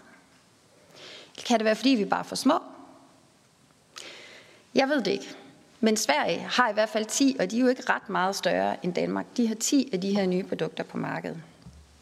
Igen, jeg har ikke forklaringen, men jeg synes, det er tankevækkende. Og måske kan vi få noget af forklaringen ved det her næste slide. For nu begynder vi nemlig at kigge på, hvad kunne være løsningen på det her problem med, at der mangler innovation inden for antibiotikaudviklingen. Fordi noget af løsningen er jo, at vi faktisk afkobler den sammenhæng, der er mellem, hvor meget der bliver brugt, og hvor meget man kan tjene. Og det er lidt det, vi kender fra for eksempel Netflix. Jeg tænker, at I alle sammen kender Netflix, hvor man betaler en fast pris om måneden. Jeg tror, det er 99 kroner, man betaler for at have adgang til alverdens film. Man har øh, mulighed for at se alle de film, der er, 100 film øh, om måneden, eller man kan også se øh, eller 0, men man betaler det samme. Det er der rigtig mange eksperter, der har foreslået, at det kunne være en af løsningerne på denne her markedsfejl, som vi har fordi det både kunne sikre et incitament for producenterne og samtidig sikre den forsikring, den brændslukker, vi skal have for samfundet. Og faktisk er det sådan, at både Sverige, England og USA, de er gået i gang med sådan nogle modeller her. Og det kunne vi også sagtens gøre i Danmark. Så her kommer vi til det, du spurgte om blandt andet før, øh, Bertel Hårder, nemlig hvad er det så konkret, vi kunne gøre i Danmark for at være med til at løse denne her krise? Ja, for det første, så har vi jo set, at det virker, når man laver en national handlingsplan. Det virker, når man sætter mål. Og derfor vil vi opfordre til, at man opdaterer den nationale handlingsplan for antibiotika til mennesker. Vi er godt klar over, at der har været mega travlt i ministerierne på grund af coronavirus, men vi synes også, at coronavirus viser, hvor vigtigt det er at være forberedt på fremtidige sundhedskriser. Nummer to forslag, det er at igangsætte et pilotprojekt i Danmark med abonnement for nye antibiotika, ligesom vi så, at både England og Sverige og USA har gjort. Eller Netflix. Og så kunne vi passende putte det ind i den nationale handlingsplan som en af vores strategiske målsætninger, at vi får etableret sådan et pilotprojekt. Og endelig nummer tre, så kunne vi godt tænke os, at vi fik lavet et forum her i Danmark, hvor vi inviterede alle de relevante aktører til at sidde rundt om bordet og diskutere løsninger. Offentlige, private samarbejder og løsninger. For det har de nemlig allerede i Sverige. Det hedder Platinea, og der har de inviteret industrien med til at sidde rundt omkring bordet og diskutere løsninger. Hvorfor er det, at, øh, at vi skal gøre noget her i Danmark også? Hvorfor skal vi ikke bare sidde og vente på, at det bliver ordnet af EU eller USA eller WHO? Det synes jeg, der er rigtig mange grunde til. Men for det første, så skal Danmark være et forgangsland, fordi vi er et unikt land, i og med, at vi har rigtig høj kvalitet af vores sundhedsdata. Så vi vil kunne bidrage værdifuldt til, når vi i fremtiden skal begynde at kigge mere på, hvordan man udregner værdien af at have antibiotika på markedet. Der vil real world data fra Danmark, baseret på danske sundhedsdata, kunne være meget værdifulde. Og nummer to, vi er jo allerede et forgangsland, med hen, når, vi, når vi ser på stewardship, og vi har ICARS, som hjælper med at dele den viden, vi har på det område. Men vi er bagud, når det handler om at få produkter markedsført i Danmark, som vi så før.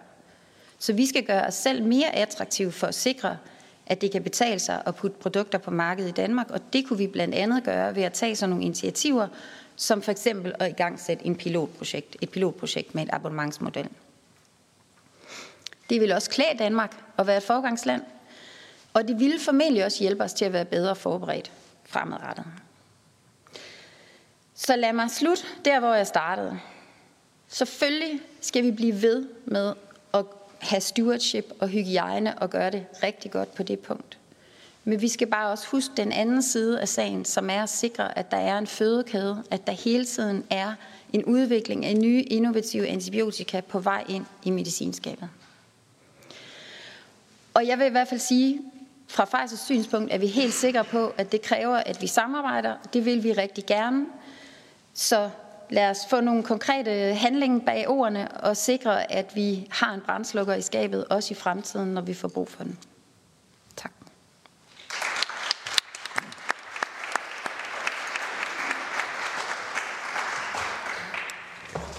Tak, fordi du også havde helt konkrete forslag til, hvordan vi kan komme videre med det.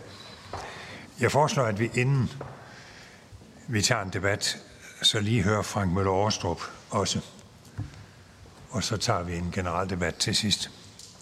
Værsgo. Og du er professor på DTU. Ja, så, og det er jeg sådan set glad for at være. Så det er, er det. Så, men uh, tak for det, og øh, tak fordi at, uh, jeg blev inviteret. Altså, det er jo en, en fantastisk sal uh, at få lov til at være i. Altså, det, uh, det, det, det gives jo næsten ikke bedre. Nu, nu har jeg ikke lige været i de kongelige gavakker, men det, det, vil sige, hold da op, øh, tænk at have sin daglige gang her. Men jeg har egentlig to ting, jeg sådan er blevet bedt om at, at dække her på forholdsvis kort tid. Øh, antibiotikaresistens i fødevarer, og så lidt omkring sådan det, det globale perspektiv. Og så skal jeg også lige sige, sådan at øh, altså, vi er øh, altså, referencelaboratorier for antibiotikaresistens, både for, for EU, FAO og WHO. Så sådan er helt øh, uhildet med hensyn til det der med, at altså, lave middelindkomstlande, og altså, hvem er egentlig interesseret i Danmark, fordi who cares, det er sådan et lille land, det, det, det er jeg altså ikke. Vi, vi har, altså, det er det globale perspektiv, der trods alt øh, vægter mest øh, hos os. Til gengæld så har jeg ingen kommersielle interesse overhovedet. Øh, jeg kan ikke have aktier, fordi så kan jeg ikke øh, have de der affiliationer, så det har jeg bestemt ikke. Og øh, en af mine helt store øh, tanker er, at jamen, altså, vi skal simpelthen have data ud og dele data, fordi det er den bedste måde, vi egentlig kan, kan gøre noget for, for verden på. Altså, jeg tror, alle ved, eller alle nu har forstået måske, at infektionssygdomme, det er altså en af de største trusler, vi har her i verden. Altså, der er meget fokus på øh, covid-19 nu her, men hvis man har sådan arbejdet med øh, altså, lav- og middelindkomstlande og andre steder i verden, øh, så er det sådan set ikke nyt, at infektionssygdomme, det er et, et kæmpe problem. Det er måske lidt, nærmest lidt mærkværdigt, at man ikke i, sådan, i dansk regi og nordisk regi måske har været lidt mere opmærksom på, at det er altså noget, som står og banker på døren, og det er noget, der har en dagligdag. Og der er rigtig mange problemer derude. Vi vi har haft kæmpe øh, epidemier faktisk, altså nye kolivarianter, der er spredt sig over hele verden, udgør måske nogle steder op til 60 procent af alle koliinfektioner. Det er bare kommet stille og roligt. Det kommer sådan hen over 10 år, og så kommer de der bølger og forsvinder igen der. Altså hvor coronavirus, vi monitorerer det og deler data, vi hører Gud hjælpe med om det hver eneste dag, ikke også selvom der kun er altså to-tre dødsfald. Jeg undskylder meget, men sådan set i sammenhæng, så er det måske ikke så meget mod de 150, der dør i Danmark om dagen. Men vi mangler måske lige det der kontekst ikke også i forhold til alt det andet. Men uanset hvilken sygdom vi snakker om, og hvor i verden vi er, jamen så har det, kan det have økonomiske, altså enorme konsekvenser, øh, også økonomisk. Og altså i mange tilfælde så er antibiotika og brug af antibiotika en central del af kontrollen, og antibiotikaresistens altså en central del af det, der kan blive effekten af, at vi bruger for meget. Så Arbejder med antibiotikaresistens, jamen, så arbejder man egentlig med tværgående problemer, og det kan jo sådan set være meget rart. Men der er så heller ikke nogen simpel løsning på det. Det er altså en kompleks problemstilling. Øhm, lige sådan et historisk perspektiv omkring, jamen, hvad, hvad, hvordan startede det egentlig i Danmark? Øh, og nu, jeg tror, jeg var så, så heldig, at jeg, jeg var, fik også lov til at være med der. Jeg tror, jeg vil ligesom sige, i min optik i hvert fald, den sådan mere fokuserede danske indsats øh, omkring antibiotikaresistensen startede altså lige der midt i 90'erne, øh, hvor der var sådan en, en generel, øh, hvad hedder det, ja, optimisme. Øh, der var virkelig godt øh, samarbejdsklima på tværs af alle seks, øh, sektorer, og så var der virkelig et ønske om, jamen altså Danmark skal simpelthen være foregangsland. Altså vi skal være nummer et i hele verden, altså ikke med at bruge antibiotika, men med at nedbringe brugen, og vi skal have mindst resistens, og vi skal have den bedste fødevaresikkerhed. Vi er simpelthen bare de bedste. Og det er så i øvrigt ikke, det er, hvad hedder det, ved ikke, vi kan se, hvad hedder det her, der er et billede af den nuværende rektor på øh, KU. Øh, det var dengang, han stadigvæk havde hår. Øh, det var sort dengang. Og så hvad hedder det, en yngre udgave af Henrik Dams Christensen, der var den daværende landbrugsminister og fødevareminister. Og der var sådan helt det der fokus og det, det der ønske om at gøre en forskel øh, dengang. Kan vi se på det lidt over tid, det er så fra den seneste Danmark-rapport øh, her, hvor så indsat nogle af de hovednedslag, der har været omkring, hvor har man så altså både politisk og handlingsmæssigt også sat noget bag, og det viser også ligesom brugen af antibiotika som vækstfremmer, der så blev udfaset, og så brugen til, til behandling, altså udelukkende til det dyr i Danmark. Og der var rigtig mange initiativer der fra 95 og til 99, altså man fik et overvågningsprogram etableret. Man kan så sige, at det var måske også øh, en tanke værd, om man skulle tage at optimere og modernisere det lidt. Det, det arbejder sig selvfølgelig på. Man måtte ikke tjene penge på at sælge antibiotika som dyrlæge.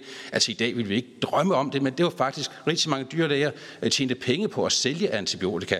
Det er en mærkelig ting, ikke også, at, at, at stå med sådan en dobbeltrolle. Øh, Vækstfremmer blev forbudt en efter en i Danmark i stort slagsmål med EU, og hvad hedder det, nogle gange lidt samarbejde, og der var simpelthen guidelines for, hvordan bruger man antibiotika. Og så ved jeg ikke, så var der så, altså i hvert fald øh, sådan som jeg kunne se, altså sådan der sådan, ja, fra starten af, af nullerne og så omkring til, til 2009-10 øh, stykker, altså ligesom, så, så var, gik tingene i stå. Jamen, det var fordi, at nu øh, gik alt godt i Danmark. Øh, vi havde ligesom vist, øh, vist vejen. Men imens de andre lande, måske rundt omkring, altså i stigende grad altså implementerede de ting, som Danmark havde gjort og, og vist vejen for, jamen så ligesom, vi, vi gik lidt i baggrunden, kan man sige, i Danmark. Og man kan også sige forbruget, både til dyr og hvad hedder det, måske andre steder, altså steg så også. Og så har det så været senere hen nogle nye initiativer med sådan et gult kort og nogle advarsler, men det har måske også været lidt svært at komme ud og sige, ah, hvad kan man sådan virkelig gøre altså for, hvad hedder det, at få nedbragt forbrugen af antibiotika til dyr. Og det er måske også svært at sige, jamen er det alle antibiotika, der lige stemme, skal man gå efter nogle kritisk vigtige, hvis nu vi reducerer med 15 tons, jamen hvad effekt har det? Det har været svært at komme ud og sætte de der altså generelle mål.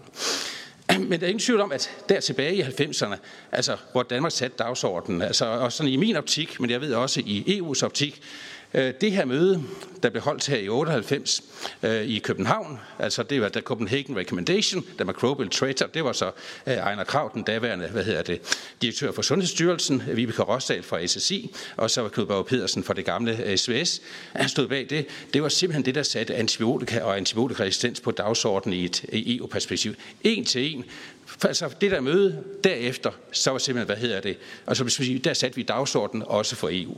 Og det husker de jo så, hvad skal man sige, også stadigvæk for, i hvert fald de folk, jeg, jeg snakker med dernede. Og det som på lidt lavere niveau, det er jo ikke nødvendigvis på det, på det politiske niveau.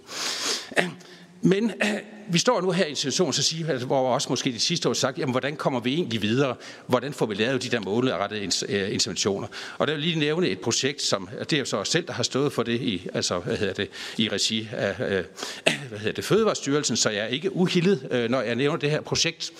Men det er i hvert fald noget af det, vi har stået med, det har været, så siger, vi ved, når vi har et stigende forbrug, jamen så får vi en stigende resistens. I hvert fald hvis alt andet er lige. Hvis ikke der er, sker ændringer i hygiejne og transmission og handel med dyr osv., så er der en eller anden fin sammenhæng der.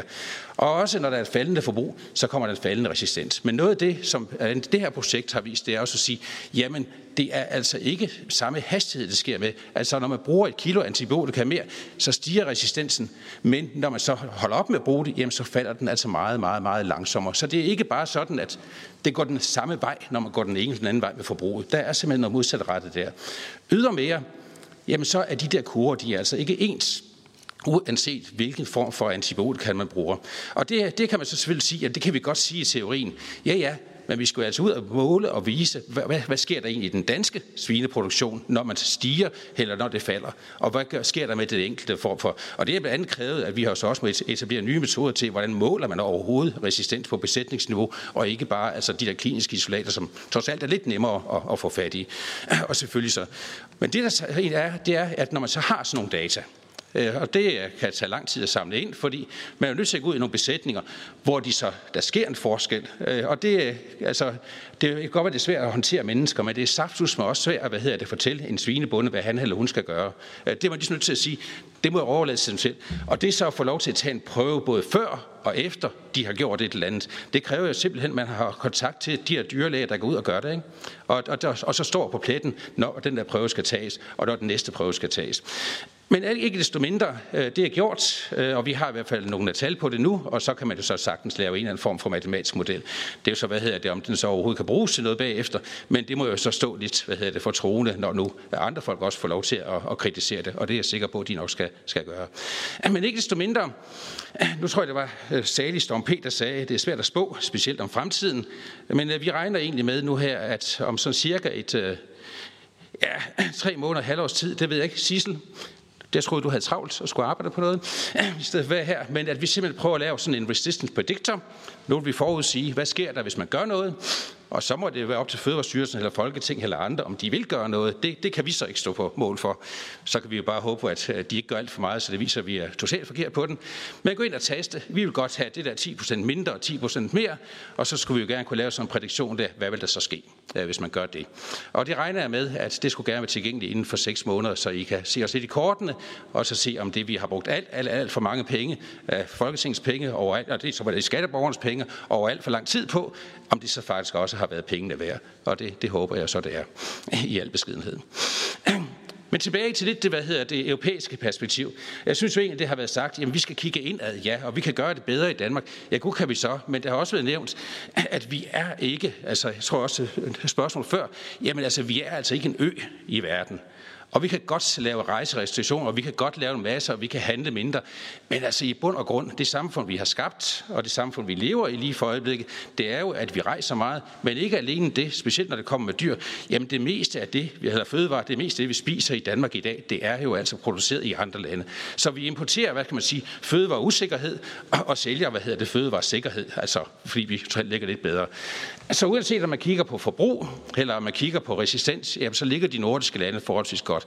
Der er sket nogle skred, ingen tvivl om det, altså på forbrug til dyr, jamen der kan man sige, altså, hvad hedder det, hollænderne har jo ved at sådan, på nogle punkter måske overhale os. England, det her aldrig set komme, må jeg skal sige, hvis man kigger tilbage i perspektivet, de gør det faktisk vældig godt nu her, øh, altså det er, det, det man tror er løgn, øh, og ligesom, det er stagneret lidt her. Og så samtidig har vi måske glemt at kigge lidt til, kan vi ikke gøre noget for måske også at hjælpe de andre lande til at blive lidt bedre. Og så vil man sige, at det kommer tilbage til den med den globale overvågning, at vi er simpelthen nødt til at få flere lande med. Det er ikke nok med EU. Det er altså en lille bitte del af verden. Vi skal altså ud også der, hvor de store resistensproblemer de skabes. Og det er trods alt alt andet lige i de der lav- og middelindkomstlande.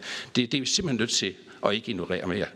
Altså noget af det, vi øh, har kigget på, altså der er store initiativer, der kigger meget på de der Lars og Sort. Jeg er godt klar at den her måske kræver lidt, hvad hedder det, tid. Men altså, hvis man ser, ser på det helt til, til venstre, det, der er meget fokus på, det er altså det der, det der last resource antibiotics. Vi skal monitorere for ESBL, cefalosprin, altså carbapenemresistens osv. Altså jeg har nogle gange tænkt, jamen hvis bare almindelig tetracyklin virker første gang, eller sulfonamider, jamen så er de der ligegyldige, de der ting, altså som er last resort. Og det er ikke sikkert, at jeg er helt enig med Hans Jørgen om det, men i bund og grund, godt gammel penicillin, dengang det virkede, jamen så var alle jo glade. Så hvad hedder det, var det ikke bare det første gang, der skal det virke. Så vi måske kigge på, hvad er det, der giver galt helt fra starten af, og kan vi gøre noget ved det. Men ikke alene det. Antibiotikaresistens er altså ikke bare noget med noget, der giver sygdom. Altså jeg tror også, at jeg forhånd ved godt med corona, ikke? Altså hvad hedder det, man smitter altså også, selvom man ikke har symptomer. Det er meget værre, når det kommer til resistens. Alle jer, alle jer bærer masser af resistensgener i jer. Det gør I. Og I deler dem glædeligt med hinanden, jeres husdyr og hvem pokker det nu kan være. Hvem I måtte kysse med, eller på anden måde have omgang med, eller dele håndtag, eller hvad det kan være. Alle og hver og en. Og I kan ikke gøre ved det, og I kan ikke gøre noget ved det. Altså, skal vi leve i en plastikboble? Det er der sgu ikke nogen af os, der har lyst til. Altså, vil du sige, hvad er det en, der sker ude hos os, der forhåbentlig er forholdsvis almindelige, raske mennesker, i de helt almindelige? Det er svært. Fordi altså, vi har prøvet i Danmark regi at sige, kan vi lave en overvågning baseret på raske mennesker? Og det har altså været nærmest umuligt. Jeg tror, at rekrutter kunne vi en overgang, ikke også? Altså, de er, det er så rekrutter, 18-årige unge mænd, ikke også? Jamen, de smider gerne på bukserne og bøjer sig ned og får en svaber op i numsen, ikke? Men jeg vil sige, altså, jeg har prøvet med studerende på, på DTU. Altså, det der med at bede dem om at gå med ud bagved og så tage, tage bukserne af, den, den går ikke. Og jeg tror, med MeToo og så videre her, så må jeg også hellere hvad det, afholde mig fra det. Altså, for nogle år siden begyndte vi at tænke på, jamen, altså, hvis vi nu skulle lave et eller andet, der kan også standardiseres lidt globalt, og ikke bliver sådan et eller andet fuldstændig usammenligneligt på global plan. Hvad med at kigge i spildevand? Altså, det er fuldstændig umuligt at få prøver for raske mennesker, men hver dag, de fleste af jer i hvert fald, går jeg ud fra, afleverer frivillig en prøve, ikke også, ned i et eller andet toilet. Og lige så snart den ligger der, så er den faktisk ikke jeres længere. Så er den min. Og jeg kan gøre hvad som helst, jeg vil med den. Og automatisk, når der kommer i det der system der, jamen så bliver det jo blandet. Så man, altså jeg er kun interesseret i populationer, så behøver jeg ikke, jeg er ikke interesseret i enkelte individer. Ja, så behøver jeg ikke engang at stå på et eller andet laboratorium og blande en hel masse lort for en hel masse mennesker. Det er automatisk gjort for mig. Så en prøve, så kan man i princippet monitorere, hvad hedder det, sådan et, en hel population. Og det synes jeg var fantastisk. Så det, det startede med her tilbage i, i 2015. Vi kiggede på sådan nogle langdistancefly og sådan noget der. Men så rullede vi det ud til at kigge øh, altså lidt bredere på verden. Og vi har egentlig kørt det sådan cirka, altså sådan en global punktprævalens øh, siden, hvad hedder det, 2016. Og det er bare nogle, nogle af tallene her, hvor man kan sige, at sådan hen, hen over tid, ikke også, hvilke lande der er med, og også sådan et globalt gennemsnit i, i hensyn til det, vi, vi øh, måler. Og så den der forfærdelige, eller den der nydelige figur med alle de der, hvad hedder det, fine farver. Den kræver lidt, øh, hvad hedder det, forklaring måske. Men hvis man nu kigger på rigtig mange resistensgener på én gang, og der findes altså cirka, hvad hedder det, 3.500 forskellige resistensgener, vi er interesseret i, så kan jeg ikke vise 3.500 forskellige kurver og figurer over, hvordan det ser ud i hele verden. Det kan man så sætte sammen i én figur, hvor man ligesom siger, at man får en signatur per prøve, eller per, også per, per land. Og så er det så sådan set, det er smidt ind, der, jeg har ikke smidt alle punkterne ind, men der er sådan ligesom, hvad hedder det, en farve omkring, hvor ligger de forskellige regioner her. Og det, der er, altså er vigtigt her, det allervigtigste her, det er, at I kan se den grønne og den orange. Det er Europa og Nordamerika. Og der er rigtig mange prøver der, men de ligger faktisk ret snævert. Hvis man så ser det i forhold til resten af verden, der er enorm forskel der. Og det er jo altså, hvad det, sådan set klokkeklar hvad evidens på, at de resistensproblemer, man ser i andre lande, fordelingen af resistensgener og varianterne der, det er fuldstændig forskelligt fra det, vi har i Europa og Nordamerika. Altså, i, i store, og det vil også sige, de løsninger, vi kommer rendende med fra vores lande, vi kan simpelthen ikke forvente, at det skal fungere i andre lande. Det er en anden problemstilling, de står med. Og det er nok også nogle andre løsninger så, der skal til i de lande. Det er sådan ligesom den, den hoved, hvad hedder det, take-home message her. Så altså kom her og sige, brug den nordiske model, det skal vi nok være lige lidt forsigtige. Vi har masser af viden i Norden, men vi skal også, hvad hedder det, tænke lidt på, hvordan bruger vi den, fordi vi kan helst risikere, at vi faktisk gør mere skade end gang. Vi har også kigget på det der, hvad er det egentlig, der forsager resistensen? Og vi, vi regnede med, jamen altså i sig selv, jamen selvfølgelig, vi kan lave sådan en til en. Mere brug af antibiotika, jo mere resistens. Den gik bare ikke, når vi gik ud og kiggede på de der lave middelindkomstlande. Fordi der viser det sig så, at det der i højeste grad driver resistensen. Hans Jørgen sagde det jo, husk nu hygiejnen, husk nu transmissionen. Og hvis vi går ind og ser på, på landeniveau i hvert fald, hvad er det egentlig, der driver øh, forekomsten af resistens, specielt i lav- og middelindkomstlandene? Jamen altså, det er, hvad, hvilken døde de her, har de meget diarré, har de manglende brug af toiletter, altså det er sådan, altså folk de går altså det der open, open defecation, ikke også, det monitorerer man faktisk, hvor mange der bruger det. Er sanitet, har de rent drikkevand, eller har de ikke? Altså er der god kloakering, uddannelsesniveau og et godt sundhedssystem? Det er meget mere betydningsfuldt for forekomst af resistens i nogle af de lande, hvor vi har den tendens til i Europa at sige, at det er bare antibiotikaforbrug, og det er det altså ikke. GDP, det er heller ikke noget bare et spørgsmål om penge, det er altså lige omkring, hvordan man bruger pengene. Det har ikke noget at gøre med, hvor man er øh, placeret geografisk og høj temperatur og alt det der. Så glem det, og heller ikke så meget antibiotikaforbrug. Det er stadigvæk driveren, det er stadigvæk Darwinian selection, men det betyder, at altså et kilo brug af antibiotika i Danmark giver altså bare mindre resistens, end det gør i Tanzania. Jeg er utrolig glad for, at det blev taget op, også af Verdensbanken her i deres rapport fra 2019, hvor de jo sådan ser på, jamen hvis de skal gøre noget for at ændre antibiotikaresistens på global plan, jamen så skal de måske egentlig i bund og grund bare gå ud og uh, investere i de der sustainability goals, fordi så vil man indirekte faktisk også forbedre den øh, situation. Det er nok lidt mere komplekst end det, men ikke desto mindre synes jeg jo egentlig, der er noget rigtig godt, øh, altså hvad hedder god tankegang også i det her. Så lige her til sidst omkring Norden, fordi at, ja, der foregår faktisk, hvad hedder det, rigtig, rigtig, rigtig god øh, forskning i Norden. Øh, jeg synes måske, at man nogle gange har en tendens til at se, jamen, hvad, hvad monitorerer man i Norden? Der, altså, hvis man skal løse antibiotikaresistens, er man simpelthen også nødt til at få den mere tværvidenskabelige, øh, tværinstitutionelle forskning med op at køre. Og der har de faktisk, hvad hedder det, centre, altså både, hvad hedder det, i Tromsø, der er også, hvad hedder det, i Helsinki, et nyt center, der lige er startet, med, med stor finansiering i Umeå, Uppsala og så Göteborg. Nye centre, hvad hedder det, lidt mindre størrelse i Oslo øh, og og, og i Bergen. Og så må man så sige, altså der er faktisk ikke noget for indeværende i Danmark. Der er nogle Novo Nordisk, har investeret rigtig meget i nogle meget fokuserede center. Disclaimer, jeg har selv et af dem, så hvad hedder det, det er det der globale spildvand noget, så jeg er ikke helt uhildet her heller. Og så selvfølgelig kommer det nationale overvågning.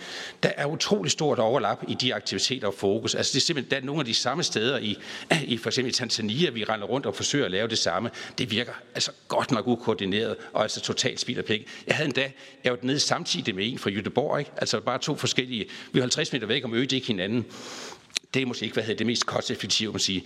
Mangle viden om gensidig styrke og svaghed og bestemt altså potentiale for et land.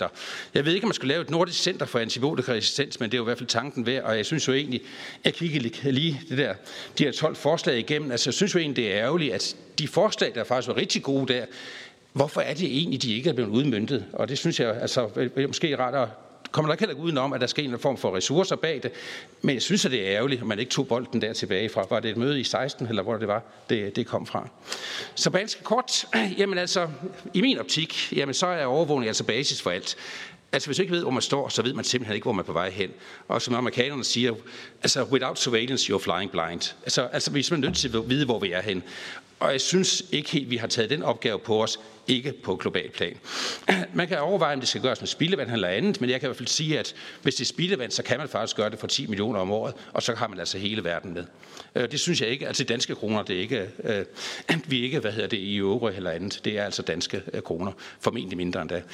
Danmark var foregangsland tilbage i 90'erne, jeg synes, vi er faldet lidt tilbage, altså det kan der være mange gode årsager til, men, men det der med at hvile på lavbærene, det, det skal man ikke, fordi så er der altså nogle andre, der bevæger sig så hurtigere, og sådan er det reduktion i resistens opnås ikke kun ved at reducere forbrug. Vi er simpelthen nødt til i stigende grad at kigge på de andre faktorer, specielt i de andre lande.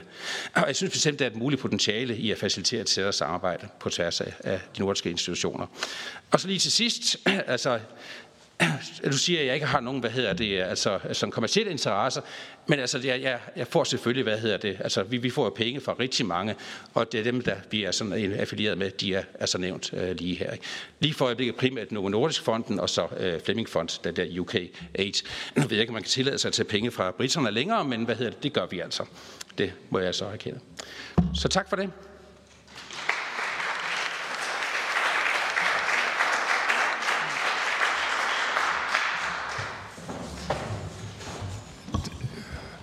Tak til Frank Møller Årstrup. Jeg skal love for, at vi har både fået problemet beskrevet og også fået et indblik i, hvad man gør forskellige steder, og hvad vi kan gøre bedre. Og nu vil jeg åbne op for en spørgerunde, og så skal vi selvfølgelig på et tidspunkt slutte af med at give hele panelet ordet. Og der vil jeg godt bede panelet om at huske at give os politikere råd med hensyn til, hvad skal vi gøre i Danmark, hvad skal vi gøre i Norden, og ikke mindst, hvem kan vi lære mest af, hvis vi kigger ud over grænserne. Det var jo også noget, som den seneste taler var optaget af. Men jeg vil åbne for debat først. Værsgo, Stinus Lindgren. Tak for det, og beklager meget, at jeg kom for sent, men jeg blev... Folketingsmedlem og læge. Ja, simpelthen. For radikale sundhedsordfører i Radikale Venstre, øh, og medlem af Nordisk Råd, ikke mindst. Øhm, ja, jeg beklager, at jeg kom for sent, men øh, jeg blev inviteret over i Sundhedsministeriet her øh, med kort varsel. Det sker ret ofte for tiden. Øh, så derfor missede jeg lige den første del. Det kommer også til at påvirke de spørgsmål, jeg har, så, så det må jeg altså lige bære over med her. Øhm, noget af det jeg har hørt før. Vi har jo diskuteret det her for ikke så længe siden på en anden konference, Øhm, jeg godt, og jeg, nu nævner øh, du, Anne, at vi skal opdatere den nationale handlingsplan, og det er jeg fuldstændig enig i, og det mener jeg også, at ministeren har givet lovning på, kommer til at ske, men jeg skal nok holde ham op på det i hvert fald. Øh, du nævner det her pilotprojekt. Kan du ikke sætte nogle flere ord på, hvordan man skulle lave sådan et pilotprojekt? Fordi jeg synes, ideen er jo god, men altså, hvad, hvad ligger der i det? Hvordan skulle man gøre det? Skulle man tage en region og sige, nu gør I det, og så må alle de andre bare sejle deres egen sø? Eller hvad er det, du mere konkret har i tankerne i, hvordan man skulle, skulle gøre det? Øhm, og Frank, super spændende øhm, oplæg. Øhm, jeg har nogle spørgsmål, der er måske lidt for teknisk her, så det må man måske tage på, på det andet tidspunkt. Jeg er fuldstændig enig i, at overvågning og deling af data er fuldstændig afgørende. Det er også noget, vi har lært under coronaepidemien, at øh, i det her tilfælde var det SSI, der skulle dele deres data globalt, fordi sådan, kun sådan kan vi blive klogere. Øh, og det tror jeg er fuldstændig rigtigt, eller det tror jeg ikke, det er selvfølgelig fuldstændig afgørende her. Så når du, at spildevandsovervågning kunne gøres for 10 millioner om året på global plan, det kan jeg simpelthen ikke forstå, hvordan I ville kunne gøre, for det er jo ingen penge.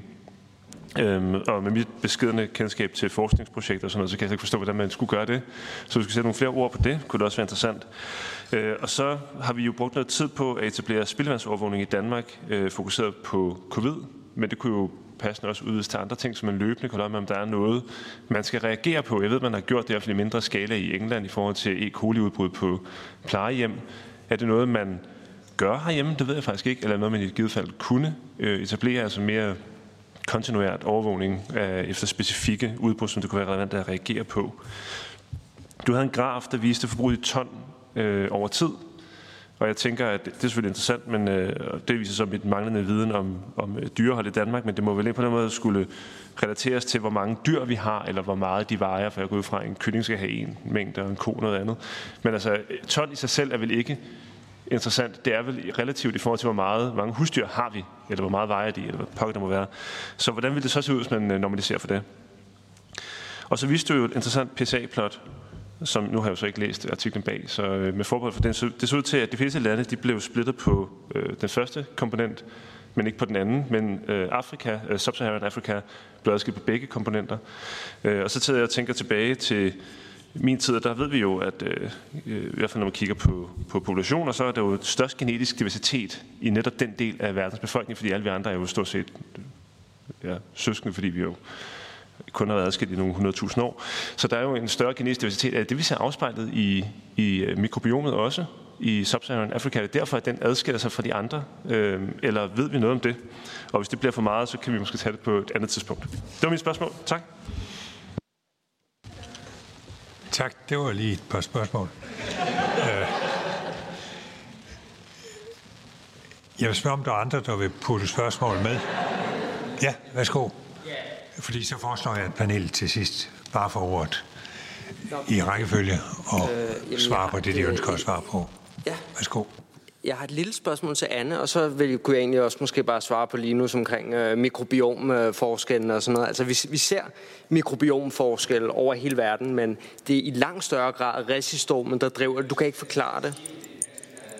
Ja, det er mig, der har lavet artiklen, så, men den er i review lige nu, så vi, vi ja, så du kan forhåbentlig snart få den at læse. Men øh, Ja, altså det, det, det kan ikke forklares bare af bakterierne. Der er jo også helt klart store geografiske signaturer i, øh, i mikrobiomen, hvad det er for nogle bakterier, vi ser de forskellige steder, men det er i langt større grad uh, antibiotikaresistensprofilerne, der, der driver de her uh, forskelle.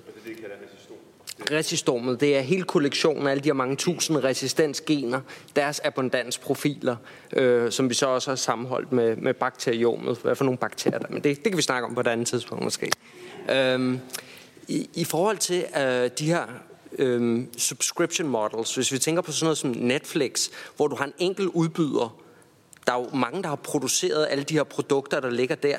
Er det meningen, at hver enkelt land skal ligesom finde på sin egen subscription models, og så øh, komme og sige til den enkelte medicinalvirksomhed, hej, vi, vi skal bruge en subscription model hos jer. Er det ikke øh, medicinalvirksomheden, der skal gå sammen lave en eller anden øh, Netflix-ordning, øh, som, som for, landene så kan øh, købe sig ind i nogle forskellige tiers eller produkter. Er, giver det ikke mere mening den vej rundt?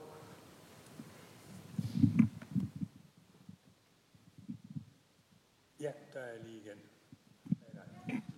Altså, uden at jeg er så meget nede i detaljer som det, der bliver diskuteret her, men jeg, jeg har siddet og tænkt på en anden ting, og det er, kan man... Øh, Øh, kan man på en eller anden måde lovgive om noget af det? Jeg tror, du var inde på, der bliver produceret på andre måder i udlandet, og vi importerer fødevarer, som måske indeholder langt mere øh, antibiotika, end vi øh, lovgiver om herhjemme måske. Altså, kan man sætte en eller anden barriere op? Kan man øh, lovgive eller et eller andet omkring at sige, der må ikke være så så meget i fødevarer af de her midler, ligesom man har med, med kemi og plastik. Eller, altså sådan, det, det var sådan mere den del, jeg tænkte på samfundsmæssigt. Ja, så foreslår jeg, at vi tager panelet i modsat rækkefølge, også fordi der var jo ganske mange spørgsmål til Frank Møller Årstrup. Så hvis du begynder. Jeg skal se, jeg er ikke sikker på, at det bliver i, i den hvad hedder det, korrekte øh, rækkefølge. Men, men øh, korrekt, altså det der med totalt tons, øh, det giver på ingen måde mening. Øh, jeg plejer faktisk også normalt at vise det med milligram per kilogram produceret kød. Øh, og, og det, så det var egentlig mere, fordi jeg tog den her direkte fra den, øh, den nylige, hvad hedder det, Danmark-rapport. Øh, det, den anden giver mere mening. Men, men øh, det, vi kan ikke, hvis vi vil have vækstfremmerne på, kan vi jo heller ikke vise det i det, der hedder altså animal, hvad hedder det, defined dosages. Altså man kan også vise det, altså det er jo ikke, der, der er jo forskel i den dosis, der skal til, at fluokinolon og så i penicillin, der simpelthen det, det giver ikke helt mening, det der. Så det er et meget fortegnet billede. Og, og det er også korrekt, at de der kurver, den, der, den der stigning er for meget, fordi altså, produktionen har jo stiget i præcis den samme hvad hedder det, periode. Så, så det, det er et lidt værre billede, end det, det egentlig burde se. Så, så godt spottet, øh, og det var egentlig, fordi det var, det var hvad hedder det, meget fornemmet skyld for min skyld, for at tage det fra den, den seneste Danmark-rapport her. Øh, global pris, øh, ja, det er jo det der med, altså et all depends, ikke? Fordi at, øh, men jeg synes, at der er forskel på, øh, om noget er et forskningsprojekt, og om noget skal tænkes ind og så sige, jamen det her det er egentlig bare et overvågning, der laver nogle standardanalyser, og så kan man jo jo så bare altså, lægge data ud til andres øh, forskningsprojekter. Det, det er jo ikke, altså der, der er sådan en anden prisforskel der. Det, det er prisen, øh, den har jeg, har jeg, jeg, jeg regnet den ud i forbindelse med en, Øh, Øh, vi, vi skrev en artikel, til, eller blev bedt om at skrive noget til, øh, til Science her sidste år. Det druknede jo selvfølgelig fuldstændig i, i hvad hedder det, øh, i, i andre ting, der også skete der i, i, omkring, hvad hedder det, februar-marts sidste år. Man blev ligesom bedt om, hvad, hvad, hvad er estimatet der? Det inkluderer så altså en vis indsamlingskadence, og så 200 lande, og så, hvad hedder det, og så vældig, vældig, vældig væsentligt, og det er jo sådan en stor ting, det er, at indsamlingen på stedet er gratis. Så hvis, man skal have folk til at stå og skal betale et fuld årsløn for at indsamle et kilo eller et liter spildevand, jamen så er det selvfølgelig en anden pris. Men det skal selvfølgelig holdes op med, at den nuværende model med global overvågning er, at man skal etablere hele laboratorier, der kan håndtere det. Og det at etablere et laboratorie, for, altså for scratch, i for eksempel, hvad Kenya Verdensbank regnede det ud, det, hvad hedder det, siger, det er om, omkring 2 øh, millioner dollars per sted. Og så har du et fungerende laboratorium men så har man ikke lavet noget endnu. Altså det er simpelthen det er bare prisen for at starte. Øh, øh, og, og jeg er ikke helt sikker på, at den der model, og det er også den model, som øh, englænderne jo i høj grad går ud med de der 280 millioner pund til at etablere over, øh, global overvågning. Jeg er ikke helt sikker på, at øh, det, den, den holder vand på lang sigt. Man får ikke nogen langtidsovervågning op at stå af det. Men det, det, det har de vist også fundet ud af, og jeg tror nok, at den nye model for Flemmingfonden bliver lidt, lidt anderledes. Datadeling, jamen altså, det er jo... Ja, altså, Altså det, det, det er en mærkværdighed at ikke dele data. Nu er jeg så stor fan af, at man deler rådata, og øh, nu, nu i coronatider, så er jeg jo øh, altså, hvad hedder det, dybt bekæret over og rigtig ærgerlig over, at Danmark jo som et af de der lande, der segmenterer mest, øh, jo ikke rigtig får delt de der rådata ind i de globale databaser, der er der. Jeg ved, at i USA, når man segmenterer øh, covid-19, jamen, så får man ikke en krone for det, man laver, før data ligger i din bank. Og det er så rådata. Det er ikke det, der er simpelt, så de der manipulerede data, eller pokker det er. Det er rådata. Altså det er det, der skal ud. Ikke? Og det synes jeg jo altså er, er brænde ærgerligt, at man ikke gør i Danmark. Og jeg har jo indtil flere gange tilbudt, at det vil vi godt gøre gratis, øh, hvis, hvis folk ikke selv kan finde ud af at dele deres data. Øh, nu skal jeg sige, et disclaimer, vi, vi arbejder jo sammen med, med i øh, det europæiske Nucleotide Archive på nogle af de her ting, så, så jeg er heller ikke uhildet øh, på det punkt. Danmark og spildevand, øh, det er, hvad hedder det, øh, jeg, jeg synes, det var, et, øh, det var fremragende, at man, hvad hedder det, prøvede det af med, med, med coronavirus. Det er nok næsten det sværeste problemstilling at lave spildevandsovervågning på. Man snakker om altså en virus, der nedbrydes enormt hurtigt, og der udskilles med enormt forskellige hvad hedder det, altså antal. Så hvis man kan få noget som helst spildevandsovervågning til bare at generere data der, så bør man ikke kunne på hvad som helst andet. Jeg er ikke helt overtydet om, altså øh, de her data. Det, det fungerer vældig godt i Rotterdam og enkelte andre steder, men hvis I kigger på de danske data, de store byer, altså det vil jeg ikke lige frem, hvad hedder det, skrive øh, voldsomt. Og jeg har i øvrigt møde med den hvad hedder det, tyske sundhedsminister her i, i eftermiddag og, og med en Koopmans for Holland om præcis det samme. Så det er sådan en helt, helt anden sag. Øh, men hvis det fungerer der, selvfølgelig kan det så på alt muligt andet. Setupet i Danmark var desværre lidt med, at det kører til, prøverne kører til Eurofins, Øh, og, og så, det er jo kun de prøver, der er positive for covid, der så går videre til, til SSI. Og jeg synes ikke, de var hvad hedder det, øh, relevante for en afprøvning af en spildevandsovervågning for andre ting i Danmark. Øh, vi blev faktisk spurgt, og altså, så fin, fin øh, kontakt til, til Sten Edberg fra SSI, der han er jo et, et, et behageligt menneske, så det, det, så det er ikke. Men, men prøveopsættet var, var ikke hvad hedder det, til, at vi ligesom kunne sige, at de prøver kan bruges til andet også, desværre. Øh, det kunne man selvfølgelig være et ønske. Øh, og så var der, hvad hedder det, jeg ved ikke om, uha, var det, var det var der mere? Ellers, så var der det omkring, hvad hedder det, øh, andre lande. Øh, øh, man kan ikke dermed med, at folk bruger mere antibiotika i andre lande og bruge det som parameter til at forhindre import. Det kan man ikke. Øh, altså jeg er helt sikker på, at Fødevarestyrelsen godt kan forklare. Jeg, jeg har selv med i noget af det der internationale kodex og øh, færre arbejde Men man kan godt sætte kriterier, hvis man vil for antibiotikaresistens. Og det har man også gjort i Danmark i nogle år, at bestemte former for resistens vil man ikke have. Det kræver så det, at hver gang man har en prøve, eller et batch, altså man så tager en prøve og så laver en individuel risikovurdering, det er lidt besværligt, men, men der er procedurer for det, hvis man vil. Men selvfølgelig skal man behandle sit eget kød, sine egne fødevarer på præcis samme måde. Så det er en, det er en dyr løsning. Øh, men, men der er faktisk altså øh, altså hvad hedder det, også internationale procedurer for det, der, der også vil holde ved, øh, altså World Trade øh, Organization, hvis der skulle blive en sag. Så der, der, jeg var selv med til at, at udarbejde den dengang tilbage i, i mit, øh, ja, for 15 år siden. Så, så det eksisterer faktisk. Vi går videre til Anne Blok Thomsen, og jeg vil godt lige indskyde et spørgsmål. Du talte om det der våbenkabløb. Altså, vi sidder her i et parlament. Kunne du antyde, hvordan Folketing og regering og Nordisk Råd og Ministerrådet eventuelt kunne bidrage i det våbenkapløb, som du beskrev? Ja, tak. Rigtig gode spørgsmål. Øh, for at lige summere, jeg har fået tre spørgsmål. Øh, jeg er venlig med det sidste, men øh, det første er det her med Netflix-modellerne helt konkret. Hvordan gør vi? Og det andet, det var det her med, øh, hvorfor er det ikke bare os for lægemiddelindustrien, der tager nogle initiativer og siger, hvad vi vil have for vores øh, abonnement, øh, kunne man måske sige. Øh, Øh, det kunne, vi, det kunne vi selvfølgelig rigtig godt tænke os, men sådan fungerer det desværre ikke, fordi vi forhandler jo øh, priser med de enkelte lande, og hver enkelt land har øh, forskellige måder at, at øh, reimburse, altså give øh, betale eller blive enige med industrien om, hvor meget de vil betale for hver enkelt produkt. Så man kan helt overordnet sige, både til det første og det andet spørgsmål, hvis det her det var nemt, så var der jo nok nogen, der havde gjort det. Øh, problemet er, at det her det er mega kompliceret. Øh, og så vidt jeg ved, så har det taget rigtig mange år i Sverige og England at blive enige om, hvordan får de bare søsat et enkelt pilotprojekt. Øh, så det er lidt det, vi synes, vi skulle spille ind i det spil også og sige, jamen vi vil også gerne hjælpe med at lave et pilotprojekt, fordi det her bliver jo et langt og sejt træk, så formentlig vil det blive sådan, at i løbet af de næste par år, så kommer man til at kigge på, hvad var erfaringerne i Sverige, hvad var erfaringerne i England, og forhåbentlig, hvad var erfaringerne i Danmark. Hvad virkede, hvad virkede ikke, og så på den måde, så vil man lige så stille få lavet mere og mere erfaring, så måske kan vi nå til sådan et punkt, hvor vi ender med at have en model, der virker for flere lande, eller måske hele verden på et tidspunkt. Øh, fordi det, det gælder om, det er jo, at vi er nødt til at vise som samfund, at vi kan få et projekt til at virke, fordi det er det, der så skal give troen på, at øh, biotech og research og større pharma vil for at genvinde den her tro på, at det her, det kan faktisk godt gå hen og blive noget, der kan betale sig igen. Så det er et mega langt sejt træk, vi står i. Øh, og det, hvis det var nemt, så, så havde vi gjort det, men som jeg også ved, Lars Elers, øh, som er en af øh, de sundhedsøkonomer i Danmark, der har talt meget om det, har været inde på, vi mangler jo simpelthen selv de mest basale sundhedsøkonomiske beregninger, for det her mangler. Og det er her, hvor vi i Danmark kan også yde et bidrag ved, at vi kan begynde at, at gøre op forskellige ting. Hvad koster det for eksempel at få et nyt præparat på markedet? Hvad, vil, hvad, hvad har man sparet ved at bare have det stående på hylden? Og sådan nogle beregninger skal vi jo have, for at vi kan regne ud, men hvad koster det abonnement i Netflix-modellen så?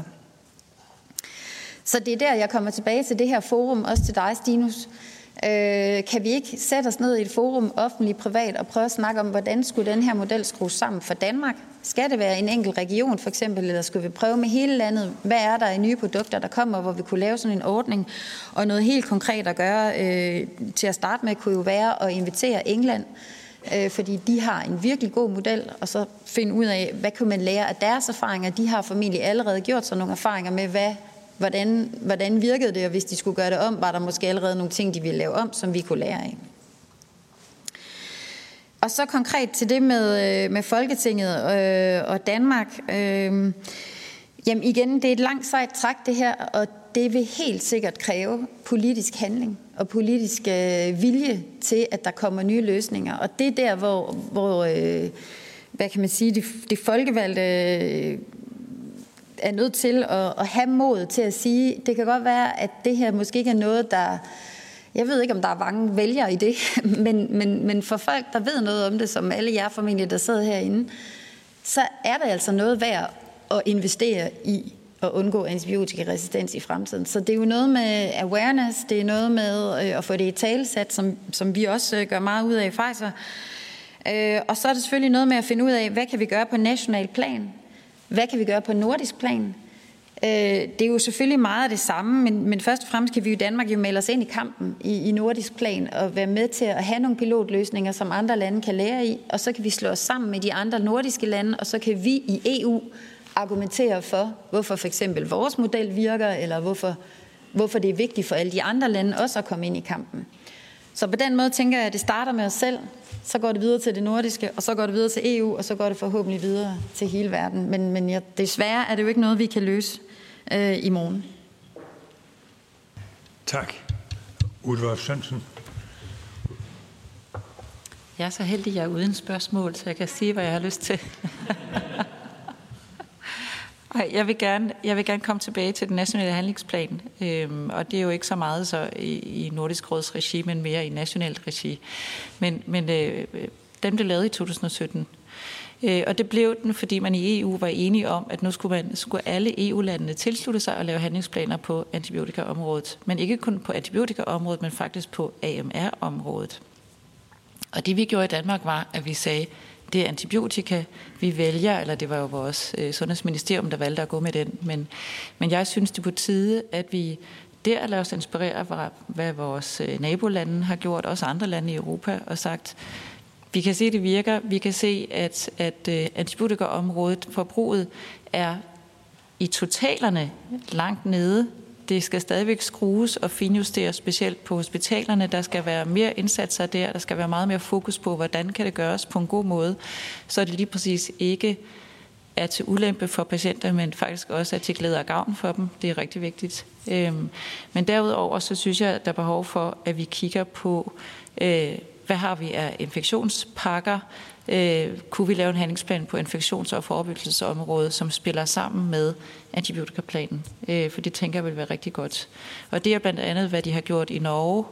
Øh, og øh, Norge havde på det tidspunkt store udfordringer med udbrud på plejehjem, og derfor var deres indsats meget fokuseret på ældrehjem og plejeomsorg, øh, og det har de haft fantastisk succes med. Øh, så det synes jeg godt, vi kunne lade os inspirere af. I forhold til det nordiske samarbejde, så tænker jeg fortsat, at øh, hvis vi gerne vil fortsat bruge hovedsageligt penicilliner, og det synes jeg, vi skal, så bliver vi nødt til sammen at finde ud af, hvordan sikrer vi, at vi også har penicilliner i fremtiden i de nordiske lande, og ikke kun i Danmark. Tak. Og Hans-Jørgen Koldmust. Jeg vil godt uh, fortsætte, hvor Ute slap. Uh, uh, handlingsplanen, den skal revideres. Den er jo faktisk, altså vi, øh, når vi går ud af 21, så skal vi faktisk have nogle nye mål. Og øh, den har jo sådan set, vi har jo faktisk nået noget øh, af den her vej. Så øh, der skal en ny handlingsplan på, eller en plan 2, og der skal sættes nogle nye mål. Og derfor så vil jeg foreslå, at øh, Folketinget, eller politikerne, hvem det nu er, altså om ikke andet på regionsniveau, indkalder regionerne, altså indkalder folk fra regionerne, så vi får en gruppe, som simpelthen kan kigge på, hvad er det nu for nogle nye mål, vi skal sætte os. Altså, det er meget, altså, der findes nogle rigtig gode initiativer rundt omkring i vores regioner, men jeg tror, de skal koordineres. Og øh, hvem der lige præcis skal tage den handske op, det kan man diskutere, men det skal tages op et, et eller andet overordnet sted. Og jo selvfølgelig, altså, det ender selvfølgelig i Sundhedsministeriet. Men altså, der skal, der skal opsættes nogle nye mål, og vi skal have den gruppe, som, som, øh, som genererer idéerne, så der skal simpelthen indkaldes til sådan en konference. Det må være noget af det aller, aller første, der sker. Og øh, hvad skal man så diskutere der? Ja, der skal man jo selvfølgelig diskutere alt det, som vi nu har diskuteret her. Altså, hvordan, øh, hvordan får vi forbruget af de der antibiotika yderligere til at falde? Hvordan får vi målrettet forbruget? Øh, det tror jeg faktisk godt, vi kan gøre noget ekstra på. Det, som vi ikke har diskuteret så meget, det er til gengæld, kunne vi tage noget op af genbrugskassen? Det er ligesom om, det har fortabt sig lidt. Og se, nu er jeg, har jeg det privilegium, at jeg, ligesom Bertel Hårder, vi har nået den alder, hvor vi har set nogle årtier af det her udvikle sig. Og øh, det, som jeg kan huske fra min tid, mine yngre år, det var, at vi brugte nogle helt andre antibiotika, end dem vi bruger i dag. Og det virkede faktisk rigtig godt, skulle jeg hilse at sige. Og det er ikke fordi vores bakterier er blevet så voldsomt meget mere resistente, at vi ikke kan bruge de gamle antibiotika. Men vi gør det ikke af en eller anden sær grund. Jeg ved godt en af grundene. En af grundene det er, at vi er offer for evidensbaseret medicin. Øh, jeg vil nødt sige det, og som professor øh, har jeg lidt dårligt samvittighed ved at, at udtale mig kritisk om evidensbaseret medicin. Men her har vi faktisk et eksempel på bivirkninger ved, kan man sige, og ved evidensbaseret medicin. For hvad er det, der er sket de sidste mange år? Der er de, de øh, kan man sige, øh, behand, altså de øh, projekter, der er lavet for at monitorere, hvor godt behandlingen virker, de er lavet på nye antibiotika. Fordi, hvordan skaffer man penge? I det gør man selvfølgelig med, med medicinalindustriens hjælp. Og hvorfor skulle medicinalindustrien dog øh, putte penge i anden end de nye stoffer, som de, de øh, udvikler? Altså, det her nye antibiotikum virker det bedre end, øh, end og så og så videre. Så altså, det er klart, der får et vældig fokus på nye antibiotika. Og det bliver så, vi bruger så de moderne metoder. Og det er jo også fint, og derved får vi noget evidens, og det kan vi læse om i den internationale litteratur, og det kommer tilbage i hovedet på os, hvor der står, I skal bruge alle de nye stoffer her, men de gamle, som I brugte i Skandinavien for mange årtier siden, hvor veldokumenteret er det egentlig? Det er overhovedet ikke spor veldokumenteret, for vi introducerede penicillin uden nogen som helst klinisk kontrolleret forsøg. Streptomycin, gentamycin osv. Der var ikke mange klinisk kontrollerede forsøg dengang. Ergo så har vi en dårlig, altså teknisk set, dårlig dokumentation af de gamle antibiotika. Det er ikke fordi, de ikke virker, men det er fordi, det ikke er dokumenteret, og det passer ikke ind i vores måde at tænke på i dag. Og derfor så skal vi prøve også i den her, kan man sige, når vi laver en ny handlingsplan, så skal vi også prøve at tænke på, er der noget, som vi har puttet ned i brokkassen, eller i, i, i affaldsbunken, som vi godt kunne tage op igen? Det tror jeg faktisk, der er. Altså, det er ikke fordi, altså, nu skal jeg ikke være gammeldags mikrobiolog og sige, at alt var bedre i gamle dage. Det er slet ikke den sang, vi skal synge. Men altså, jeg tror godt, man kunne få lidt ud af det. Fordi jeg har, jeg har været med igennem den proces, og det var altså ikke evidens, der gjorde, at vi gik fra de gamle stoffer. Det var nu en ting. Så en anden ting, det er, øh, jeg vil frygtelig gerne se antibiotikaresistens i forlængelse af hygiejne. Altså se de to ting sammen. Det kunne jeg også ønske mig i den nye handlingsplan, at man integrerede antibiotikaresistens forbrugsproblemet med hygiejne, for de to ting hænger rigtig meget sammen. Og øh, måske skal vi så, altså, og, så, og, så der er igen noget med at få resistensfolkene til at snakke med hygiejnefolkene. Altså, der er også noget der med at knytte nogle forbindelser. Og det har, det har vi ikke været helt gode nok til. Incitamenter nationalt. Øh, det er, jo, det er jo gratis at sprede resistente bakterier. Det er jo også gratis at, at, at lave sygehusinfektioner. Der er ingen, der bliver straffet for det. Det er bare, det, det er, jamen sådan er det bare. Ikke? Altså, vi, vi, vi mener, det, det er okay. Det kan jo gøres ret meget bedre, vel? Men hvad gjorde de i England, da de havde en MRSA-epidemi, som var ved at vælte dem i 90'erne? For det var den faktisk. De havde sydeuropæiske tilstande i England. Parlamentet vedtog lov, og der blev simpelthen straf til de ledende medarbejdere i sundhedsvæsenet, hvis ikke man fik MRSA øh, øh, til at falde. Og det virkede, herren hjælp med, det virkede faktisk ret godt.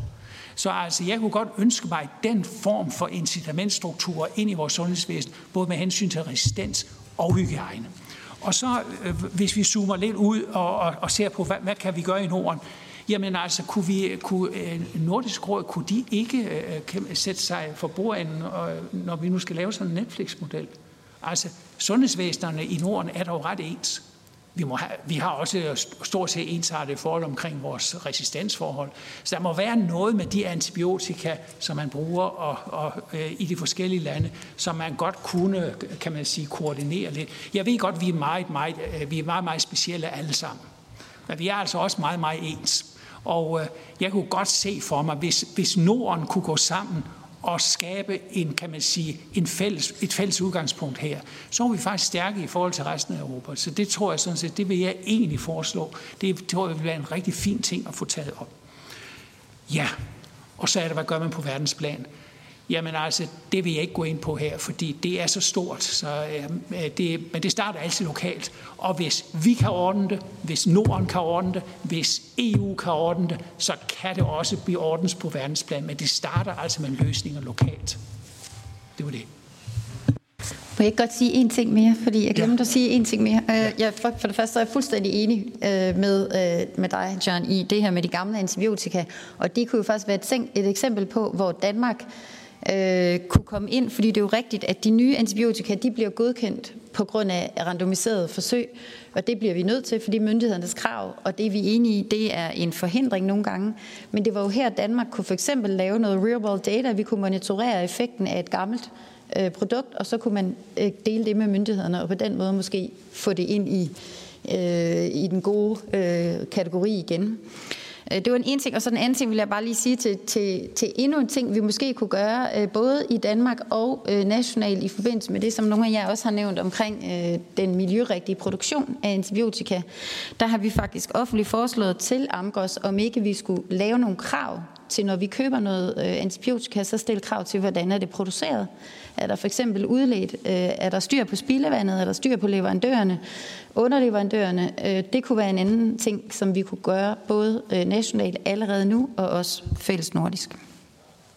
Tak. Tak. Tiden er gået. Og sådan er det, når man drøfter vigtige ting med engagerede mennesker. Vi har virkelig fået noget at tænke over. Og vi politikere og embedsmænd, der er til stede, jeg tror, jeg godt kan sige på alles vegne, at vi lover at følge op på det, vi har hørt. Vi har i virkeligheden fået ganske mange antydninger af, hvad vej vi kan gå. Jeg fornemmer, at der er bred opbakning til, at hvis vi kan finde ud af et eller andet på nordisk plan, så skal vi gøre det. Om vi skal have et center for antibiotikaresistens, og om det skal være nordisk eller dansk. Om vi skal have et fælles forum, som de har i Sverige. Kunne det være et fælles nordisk forum? Jeg er klar over, at regionerne skal inddrages, i hvert fald hvis det skal være dansk. Øh, vi må finde en ramme, øh, inden for hvilken nogle beslutningstagere og folk, der har forstand på tingene, kan bringe det her videre, så vi kommer op af det, som jeg fornemmer, at vi er sakket lidt aktivt ud i Danmark. Og så er det jo dejligt at høre hende, der lever af at lave nye øh, mediciner, at hun siger, at nu skal vi huske at bruge de gamle. Det lyder godt. Ja. Og handlingsplanen kan jeg forstå på Stinus, at den er på vej i ny form. Og derfor jo altså Sundhedsudvalget og også delegationen en anledning til lige at, at tage temperaturen på den danske regering. Mere kan jeg ikke sige her, øh, udover stor tak for, at det her har været muligt. Tak til dem, der har mødt frem, og tak til jer, der har sat i en rigtig god debat.